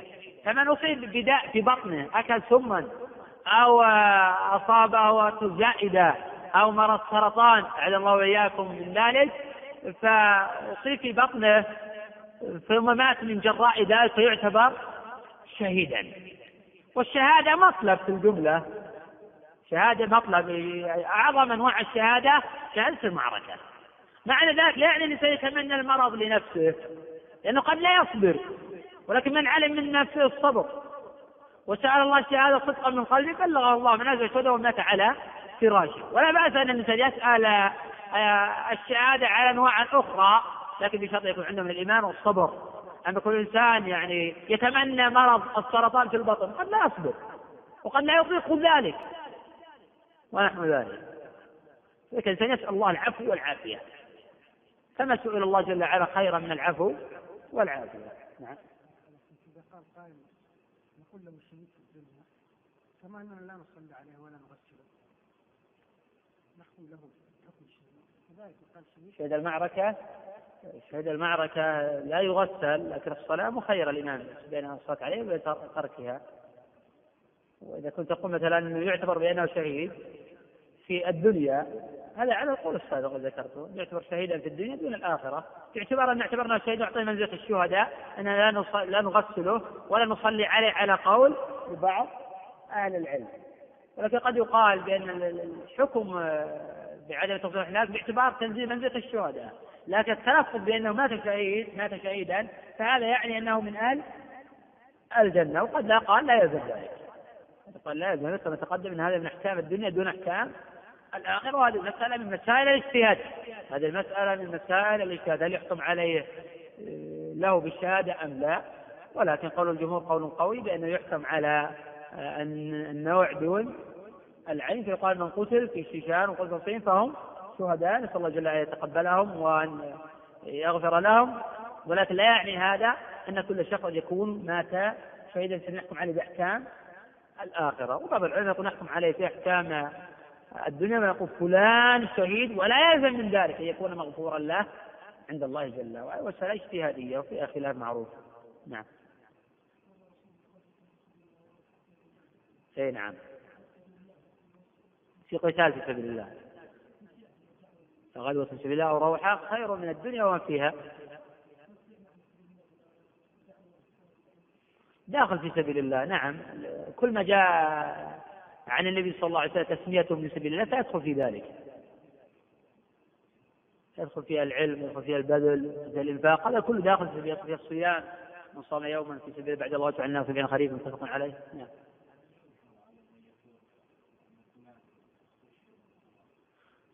يقيل فلان مات شهيدان. الصحيح لا ينكر عليه لأن مسألة اجتهادية وقاله جماعة من أهل العلم. طبعا معروف كلام البخاري باب ولا يقال فلان شهيد وكلام العلماء في هذه القضية. لكن هؤلاء يقول لك الذين يقولون بأن فلانا مات بأن فلانا مات شهيدا يقولون في أحكام الدنيا ولا يجزمون بأنه من أهل الجنة.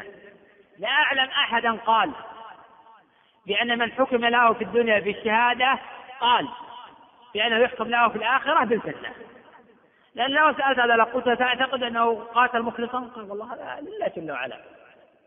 لم يقاتل لأن يريد قال لا لا لا لا تحكم. أنا أحكم عليه في الدنيا. فأقول مات شهيدا في الدنيا. ولا أحكم عليه بالجنة لأن الحكم الأخرى لله جل, جل وعلا. فحينئذ هذه مسألة اجتهادية فلا ينكر عليهم. في ينظر التاريخ يستقرأ نعم.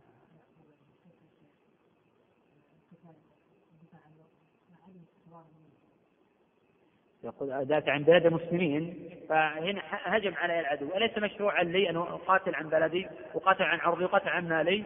أنا ولم أستحضر النية تعني الإخلاص لله أؤجر على ذلك. لكن لو استحضر النية صار أعظم أجرا. ولا يلزم من هذا الإنسان لا يقاتل ولا يسمى في سبيل الله. والنبي صلى الله عليه وسلم قال من قتل دون ماله فهو شهيد. النبي قال من قتل ما اسم شرط جاز تجد فعلين. الأول فعل شرط الثاني جوابه وجزاؤه من قتل دون ماله فعل الشرط قتل دون ماله فهو شهيد. الفرق والجواب شرط فهو شهيد. إذا حكم عليه أن لا له نزل بالشهادة مع أنه قاتل دون ماله يكفي هذا. الله أعلم. بسم الله الرحمن الرحيم.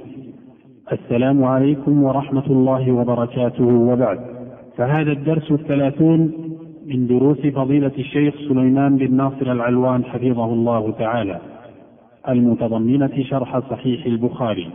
وموضوع هذا الدرس كتاب الإيمان باب تطوع قيام رمضان من الإيمان وباب صوم رمضان احتسابا من الإيمان. الحديث السابع والثلاثون والثامن والثلاثون.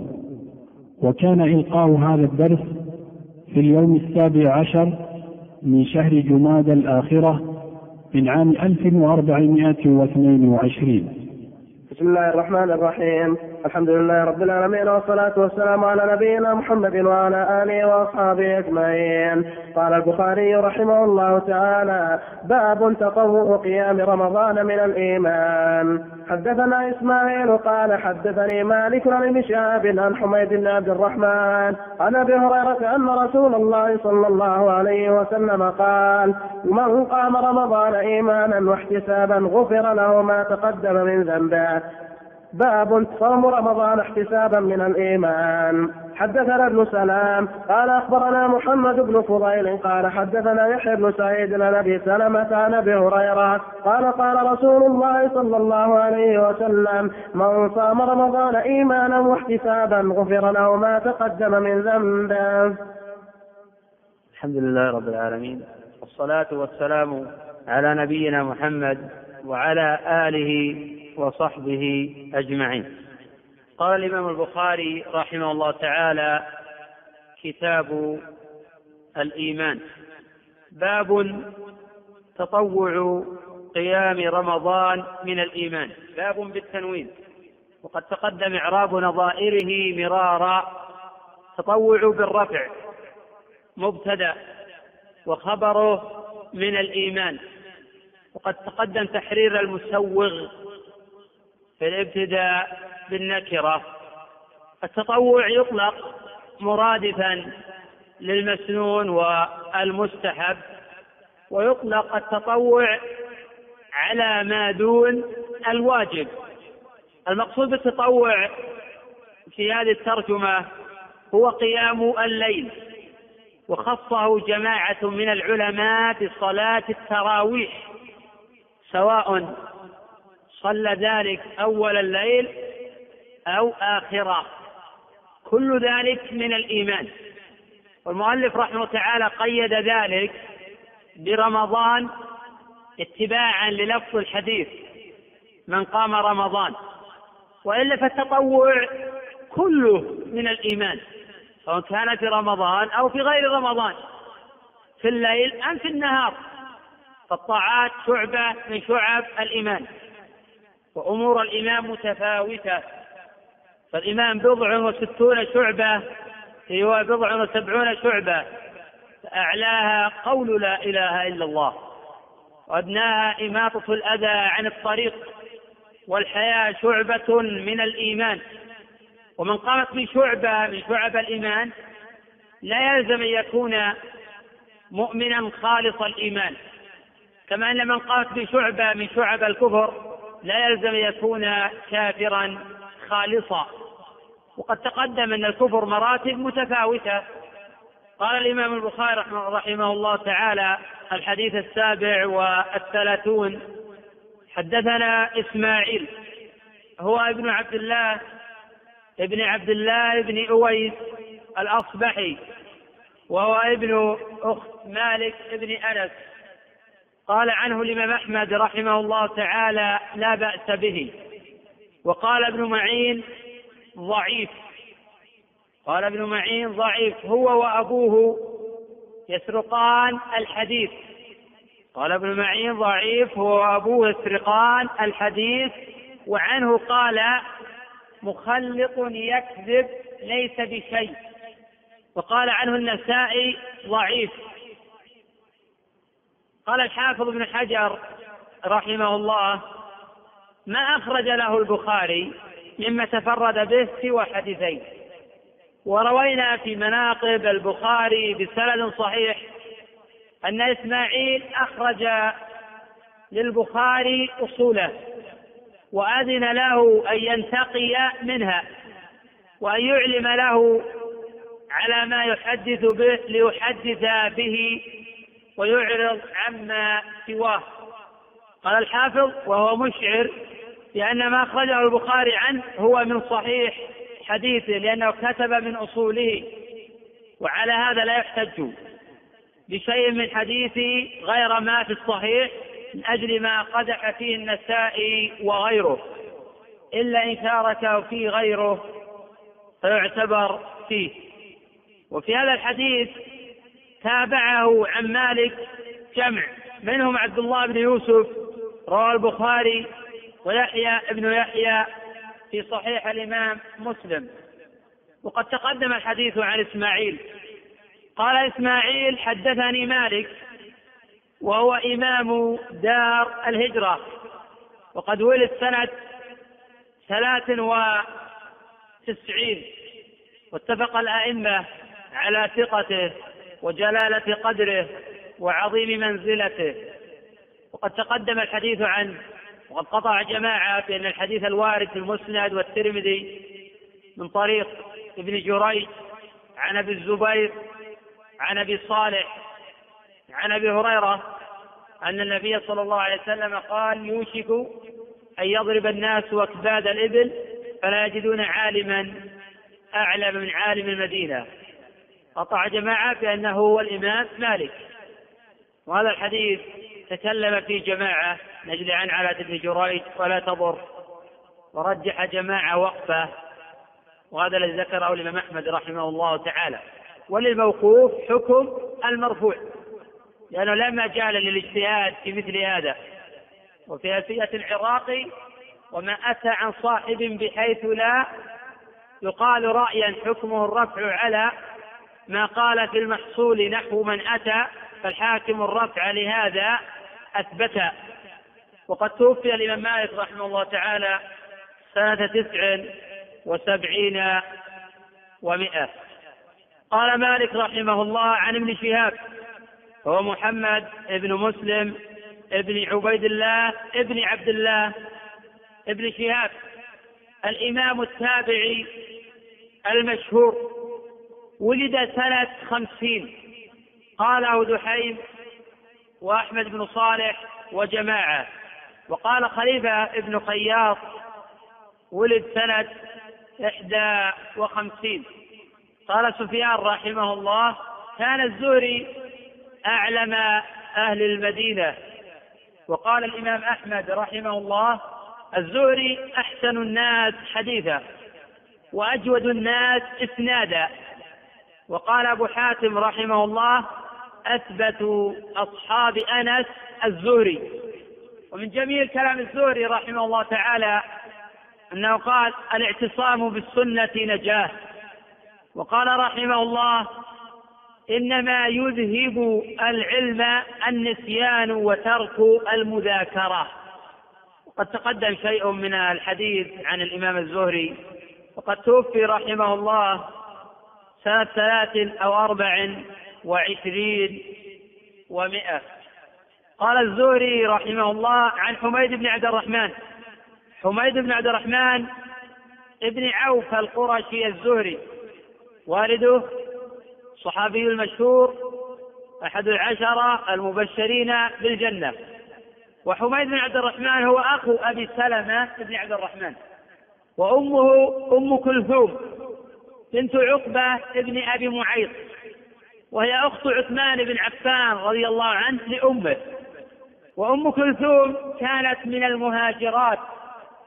وحميد مجمع على توثيقه. توفي بالمدينة سنة خمس وتسعين. وهو ابن ثلاث وسبعين سنة. فيكون مولده سنة اثنتين وعشرين. ولم تثبت روايته عن عمر. ولا تصح رؤية لعمر أيضا.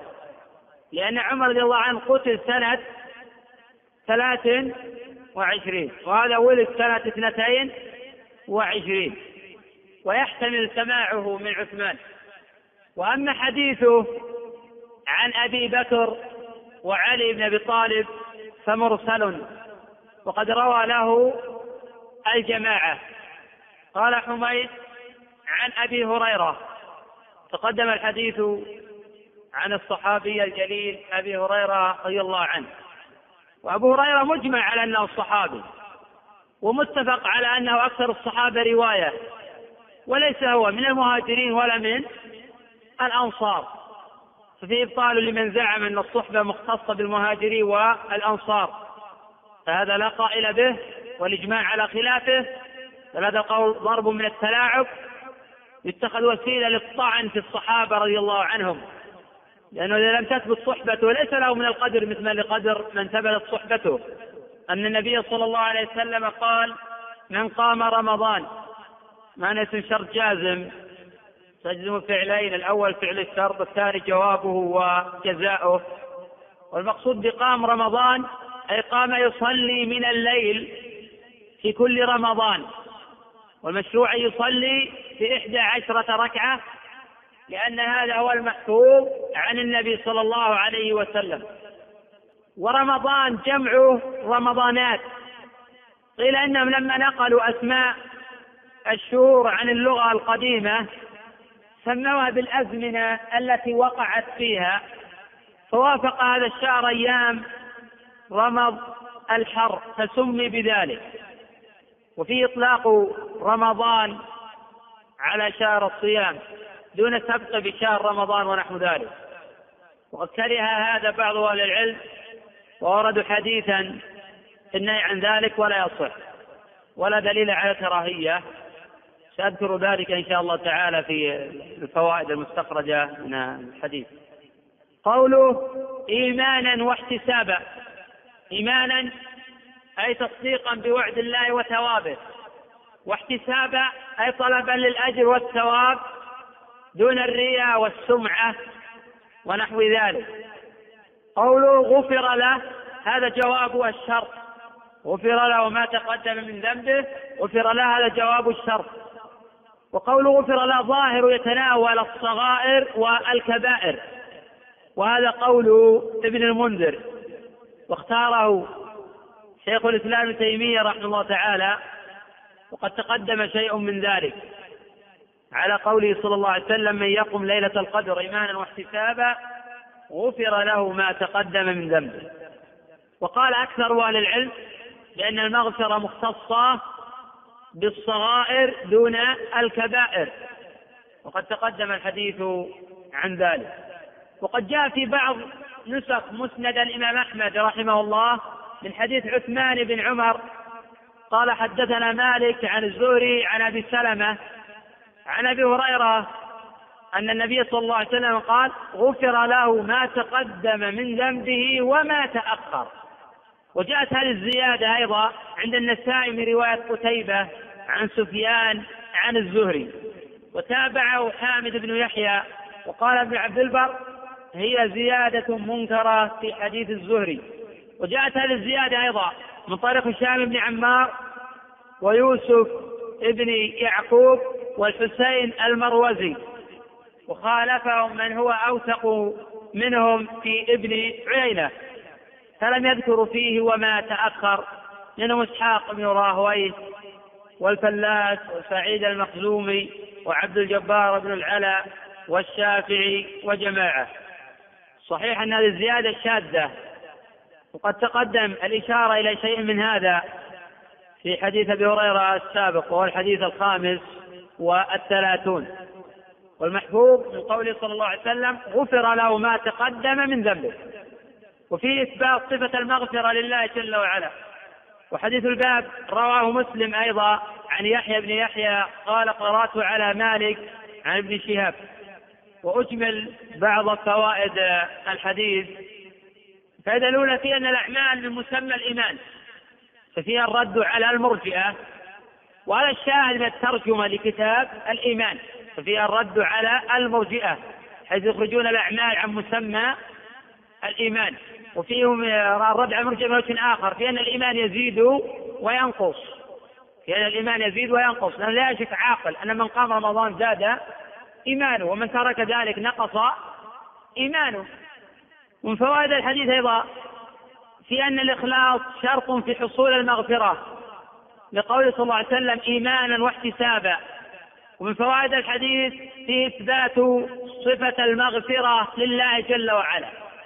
وأهل السنة يثبتون ذلك إثباتا بلا تمثيل وتنزيها بلا تعطيل.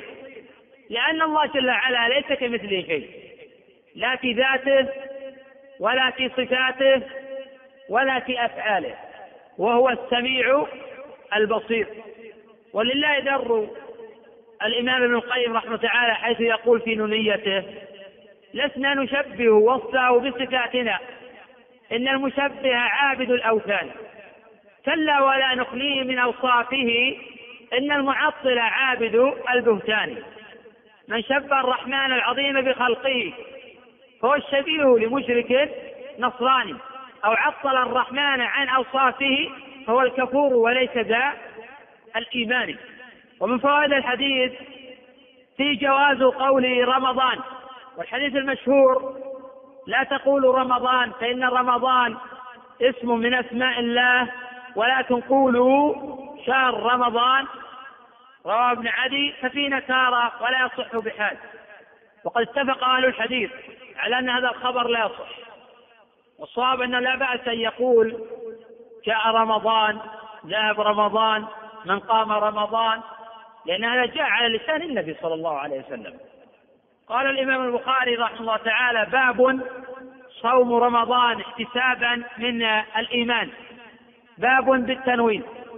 صوم بالرفع مبتدأ والخبر من الإيمان. وقد تقدم أن الأعمال كلها من الإيمان. سواء كانت واجبة أو مستحبة. فلا يخرج عمل يحبه الله ورسوله صلى الله عليه وسلم عن مسمى الإيمان لا قولا ولا فعلا. وصوم رمضان من الواجبات. وصوم رمضان من الواجبات وليس من المستحبات بل هو أحد أركان الإسلام. بني الإسلام على خمس شهادة أن لا إله إلا الله وأن محمدا رسول الله. وإقام الصلاة وإيتاء الزكاة وصوم رمضان وحج البيت. فصيام رمضان فرض على كل مسلم وهو من فروض الأعيان. فمن كان مطيقا وجب عليه الصيام. ومن تركه متعمدا ومن أدركه مكلفا وتركه متعمدا فقد ارتكب ذنبا عظيما وفعلا قبيحا. وقيل إنه يكفر بذلك. وهذا أحد القولين في مذهب الإمام أحمد. وإليه ذهب طائفة من فقهاء المالكية وغيرهم. وقيل إنه لا يكفر ولكن يفسق ويجب تعزيره. وهذا مذهب أبي حنيفة ومالك والشافعي والرواية الثانية عن الإمام أحمد. ويصح أن يقال عن هذا هو مذهب الجمهور. وقد تقدم الحديث عن ذلك قبل بضعة عشر بابا. المقصود من هذه الترجمة بيان أن صوم رمضان إخلاصا لله من الإيمان ففيها الرد على المرجئة. لأن إذا صام رمضان زاد إيمانه والمرجئة يقول الإيمان لا يزيد. ومنهم من يقول أنه يزيد ولكن لا ينقص. فهم في هذا الباب في أمر مريج. ومنهم من يقول أن الأعمال لا ذمة في مسمى الإيمان والترجمة رد عليهم أيضا. قال الإمام البخاري رحمه الله تعالى الحديث الثامن والثلاثون حدثنا ابن سلام بالتخفيف وهو محمد بن سلام بن الفرج السلمي مولاهم أبو عبد الله البخاري البيكندي. ولد محمد بن سلام في السنة التي مات فيها سفيان الثوري. الملك ما هذه السنة اللي مات فيها سفيان الثوري؟ لا إحنا قلنا ولد محمد بن سلام في السنة التي مات فيها سفيان الثوري. نعم. متى توفي سفيان الثوري؟ نعم. الأخ خالد. نعم أصب نعم. وهي سنة 61 و100 قال محمد بن سلام إني لأحفظ نحوا من خمسة آلاف حديث. وقال أنفقت في طلب العلم أربعين ألفا. وأنفقت في نشره أربعين ألفا. ويا ليت ما أنفقت في طلب أنفقت في نشره قال ابن شريح كان محمد بن سلام من كبار المحدثين. وله حديث كثير ورحلة. وله ذكر في الحديث. وله مصنفات في كل باب من العلم. وذكر ابن حبان رحمه الله تعالى في ثقاته وتفرد البخاري عن الجماعة بالرواية عنه.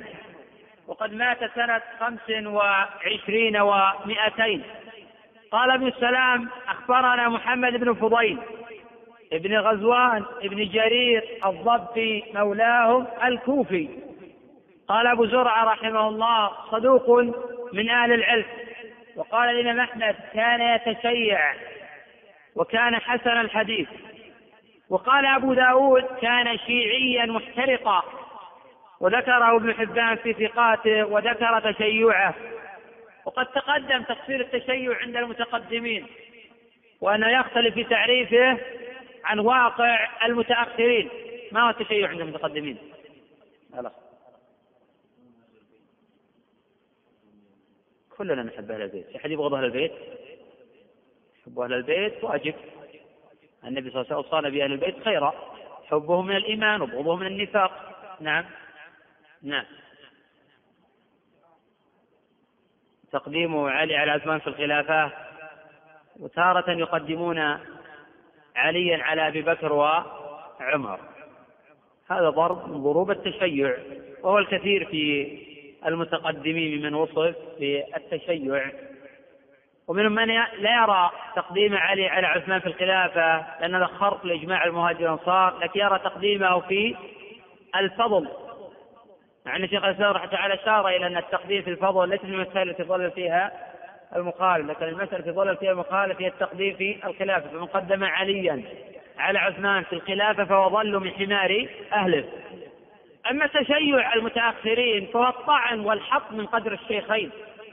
وهذا لا ينبغي يسمى تشيعا. يجب أن نسميه رفضا. لأن التشيع مأخوذ من مشايعة علي دون طاعن في أبي بكر أو عمر. ممكن يقتضي عند طائف تفضيل علي على أبي بكر وعمر وهو باطل لكنه لا يصل إلى حد الكفر. بخلاف الرفض الذي يقتضي الحط من قدر الشيخين فلا ريب أن هذا كفر. وحينئذ لا ينبغي أن نطلق على الرافضة شيعة.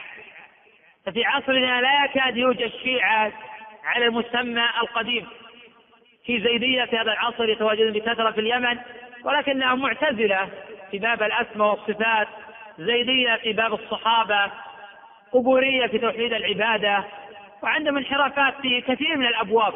ولهم نماذج في عصرنا يتسمون باسم العلم وباسم انقاذ التاريخ وهم منحرفون في كل الأبواب. حين تريد أن تتحدث عنهم في توحيد العبادة فهم يناصرون الشرك والمشركين ويدافعون عن عباد القبور والأوثان. وحين تتحدث عنهم في توحيد الأسماء والصفات فهم معتزلة.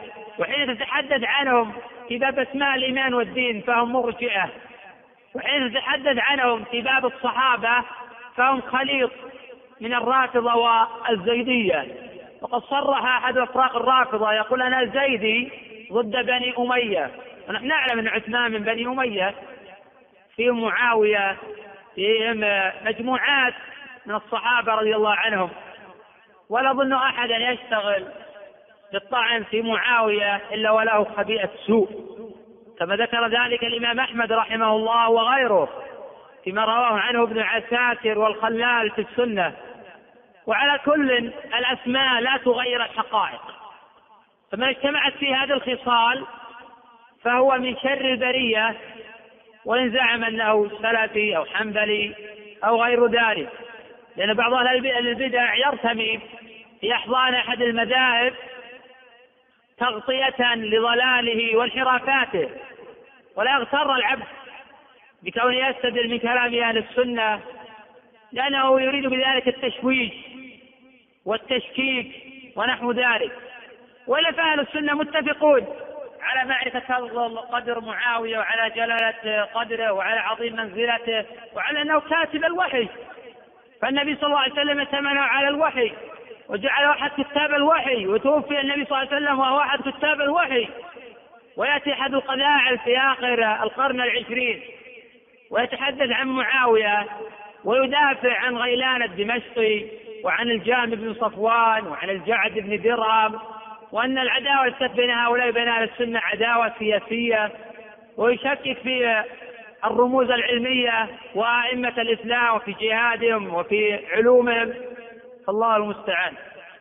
وليس المقصود الحديث عن هذه الأفكار الخبيثة وعن هذه الانحرافات الموجودة في المجتمع بقدر ما هو بيان التفريق بين التشيع في القديم والتشيع في الوقت الحاضر.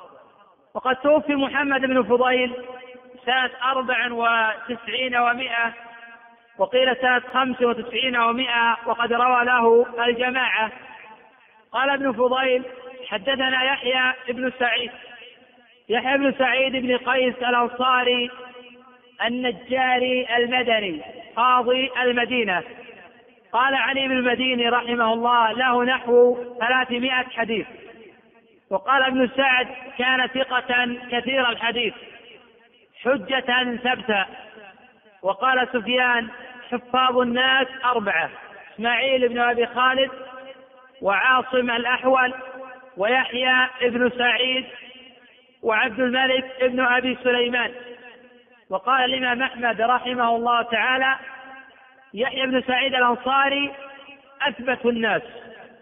قال محمد بن القاسم الهاشمي كان يحيى بن سعيد خفيف الحال فاستقضاه أبو جعفر وارتفع شأنه فلم يتغير حاله فقيل له في ذلك فقال من كانت نفسه واحدة لن يغيره المال.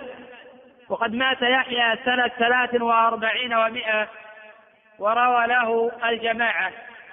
قال يحيى عن أبي سلمة وهو ابن عبد الرحمن بن عوف القرشي. اسمه كنيته. اسمه كنيته. وقيل اسمه عبد الله وقيل إسماعيل. وقد ذكر الإمام مالك رحمه الله تعالى أن اسمه كنيته. وأبو سلمة ثقة فقيه متفق على إمامته. حدث عن أبيه وهو مرسل قاله أكثر الأئمة. وقد توفي سنة أربع وتسعين وقيل غير ذلك وروى له الجماعة عن أبي هريرة رضي الله عنه أن النبي صلى الله عليه وسلم قال من صام رمضان من صام رمضان. الصيام في اللغة هو الإمساك من تقدم. اسم شرط جازم وهي من صيغ العموم. الصيام في اللغة الإمساك. قال الله جل وعلا عن مريم إني نذرت للرحمن صوما. أي إمساكا عن الكلام. وفي الشرع إمساك بنية عن أشياء مخصوصة في زمن مخصوص من شخص مخصوص. نشرح هذا التعريف. إمساك بنية. فلا يصح الصيام إلا بنية قبل طلوع الفجر الثاني. إمساك بنية عن أشياء مخصوصة عن الأكل والشرب والجماع وهذه الأمور متفق عليها. ومن عداه ففيه خلاف في زمن مخصوص من طلوع الفجر الثاني إلى غروب الشمس. من شخص مخصوص وهو المسلم العاقل. فلا يصح الصوم من كافر وإن كان مخاطبا بفروع الشريعة في أصح قولي العلماء. والمجنون لا يجب عليه الصيام. من صام رمضان أي شهر رمضان وقد صام النبي صلى الله عليه وسلم تسع رمضانات. لأن رمضان لم يفرض إلا بعد الهجرة. في السنة الرابعة ولا الخامسة؟ في السنة الثانية من الهجرة؟ السنة الثانية ولا الرابعة ولا الخامسة؟ أكيد. نعم. فرض رمضان في السنة الثانية من الهجرة. ولهذا صام النبي صلى الله عليه وسلم تسعة رمضانات. فإنه فرض في شعبان. وهذا مجرد قول ولا أعلم عليه دليلا. من صام رمضان إيمانا أي تصديقا بوعد الله وثوابه وحسابا طالبا الأجر من الله لا رياء في ذلك ولا سمعة. غفر له ما تقدم من ذنبه. في إثبات صفة المغفرة لله جل وعلا والجمهور يخصصون المغفرة بالصغائر دون الكبائر لحديث العلاء بن عبد الرحمن عن أبي عن أبي هريرة أن النبي صلى الله عليه وسلم قال الصلوات الخمس والجمعة للجمعة ورمضان إلى رمضان مكفرات لما بينهم ما لم تغشى الكبائر. قد تقدم الحديث عن هذه المسألة. ومغفرة مختصة بما تقدم من الذنوب لا ما تأخر. لأن الحديث الواردة فيما تقدم وتأخر لا يصح منها شيء في هذا الباب. وهذا الحديث رواه مسلم أيضا أي لم يتفرد به البخاري بل رواه مسلم من طريق يحيى بن أبي كثير قال حدثنا أبو سلمة عن أبي هريرة وهو في البخاري أيضا من هذه الطريق. وقد قال غير واحد من الحفاظ إن الاختلاف الموجود في هذا الخبر لا يؤثر. حيث جاء الحديث بلفظ من قام رمضان وبلفظ من صام رمضان. وكلاهما محفوظان على الصحيح. ولذلك خرجهما البخاري ومسلم في صحيحيهما. خرج اللفظ الأول واللفظ الثاني. والله أعلم. نعم. الأفضل في التراويح أن تكون في المسجد لأن الصحابة رضي الله عنهم قاموها في المسجد ولم ينكر ذلك أحد. وأما قول أمير المؤمنين عمر رضي الله عنه والتي ينامون عنها أفضل يقصد بذلك أنه لو أخروها إلى آخر الليل لكان هذا أفضل. ومن أراد يصليها في بيته فله ذلك بل استحب هذا بعض الفقهاء المالكية. ولكن الجمهور يستحبون أداءها في المسجد. لأن النبي صلى الله عليه وسلم قامها الليلة الأولى والليلة الثانية في المسجد ثم تركها النبي خشية أن تفرض فتوفي والأمر على هذا. ثم حين ولي أمير المؤمنين عمر رضي الله عنه جدد هذه السنة وأحياها ولم ينازعه في ذلك أحد من الصحابة. فصار كالإجماع منهم على مشروعيتها. والأفضل أداؤها في المسجد والاقتصار في عددها على إحدى عشرة ركعة نعم.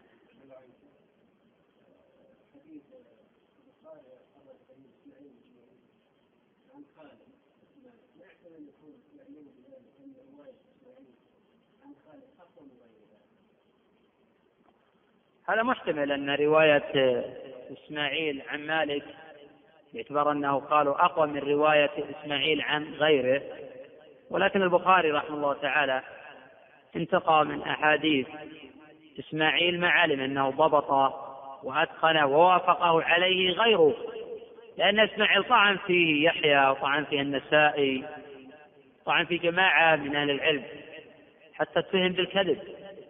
فالإمام البخاري رحمه الله تعالى كما في الحكاية السابقة التي أوردناها عنه نقلا عن الحافظ بن حجر رحمه الله تعالى أنه أخرج له أصوله فانتقى منها ما علم أنه ضبط وأتقنه.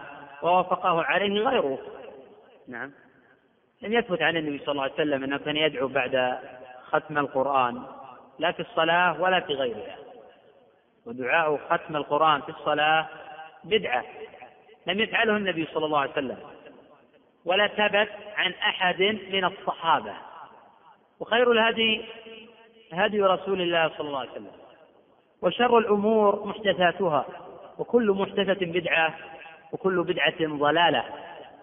وفي قواعد أهل العلم كل أمر عقد سببه في عهد النبي صلى الله عليه وسلم أو في عهد الصحابة ولم يفعلوه مع إمكانية الفعل فإنه بدعة. ولا أحفظ حديثا ولا أعلمه واردا عن النبي صلى الله عليه وسلم أو عن أحد من الصحابة أنه كان يختم ويدعو بعد الفراغ من قراءة القرآن في الصلاة. وأما خارج الصلاة فقد فعله أنس بن مالك والإسناد إليه صحيح رواه الفريابي وغيره. وهذه المسألة محل اجتهاد. منهم من قال أيضا أنه لا يدعو لأن النبي ما فعله ولا فعله بكر ولا عمر ولا عثمان ولا علي. مثل هذه الأمور لو وقعت لنقلت إن الهمم تتوافر على نقل مثلها.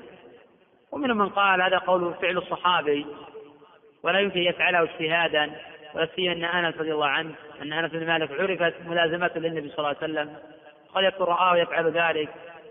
وهذا محل اجتهاد وهذا مجرد قول والخلاف في هذه المسألة خارج الصلاة قريب أما داخل الصلاة لا أعلم له أصلا. نعم. لا يصح هذا لا جعله في الوتر ولا في غيره. تقصد الدعاء بعد الفراغ من القرآن حتى جعله في الوتر لا أصل له غلط. هذا تحايل تدع ولا تتبع نعم.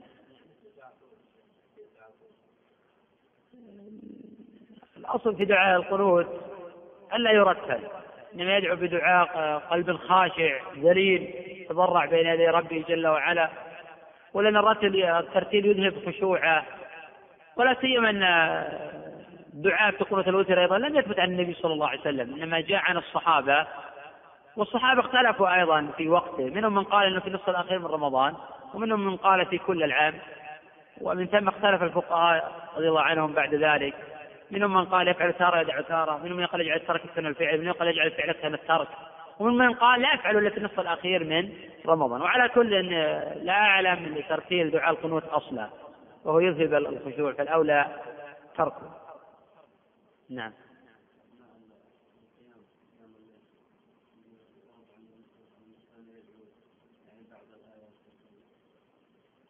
يعني وقف عند آية رحمة سأل آية عذاب تعود؟ إيش فيه؟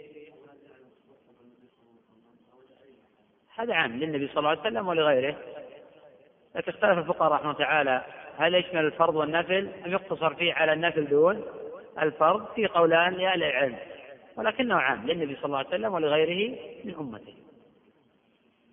نعم. حديث عند ختم القرآن دعوة مستجابة حديث موضوع. وهو ابن عين الحلية وغيره.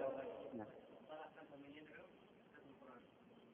إذا كان الإنسان يعني يعلم أن هذا بدعة وعنده علم واجتهاد فأرى أن الأصل لا يصلي ولا يصلي خلفه. ولكن إذا كان عام أو ما عنده قدرة على الاجتهاد أو قلد غيره فلا بأس يصلي خلفه. كما أنه لو قالت وأنت لا ترى القنوت تصلي خلفه. وبعض العلماء يرى من انسحاب أنك تصلي خلف من لا ترى القنوت على قضية الختم ويظهر لي هناك فرق دقيق بينهما وهو أن القنوت له أصل في الجملة.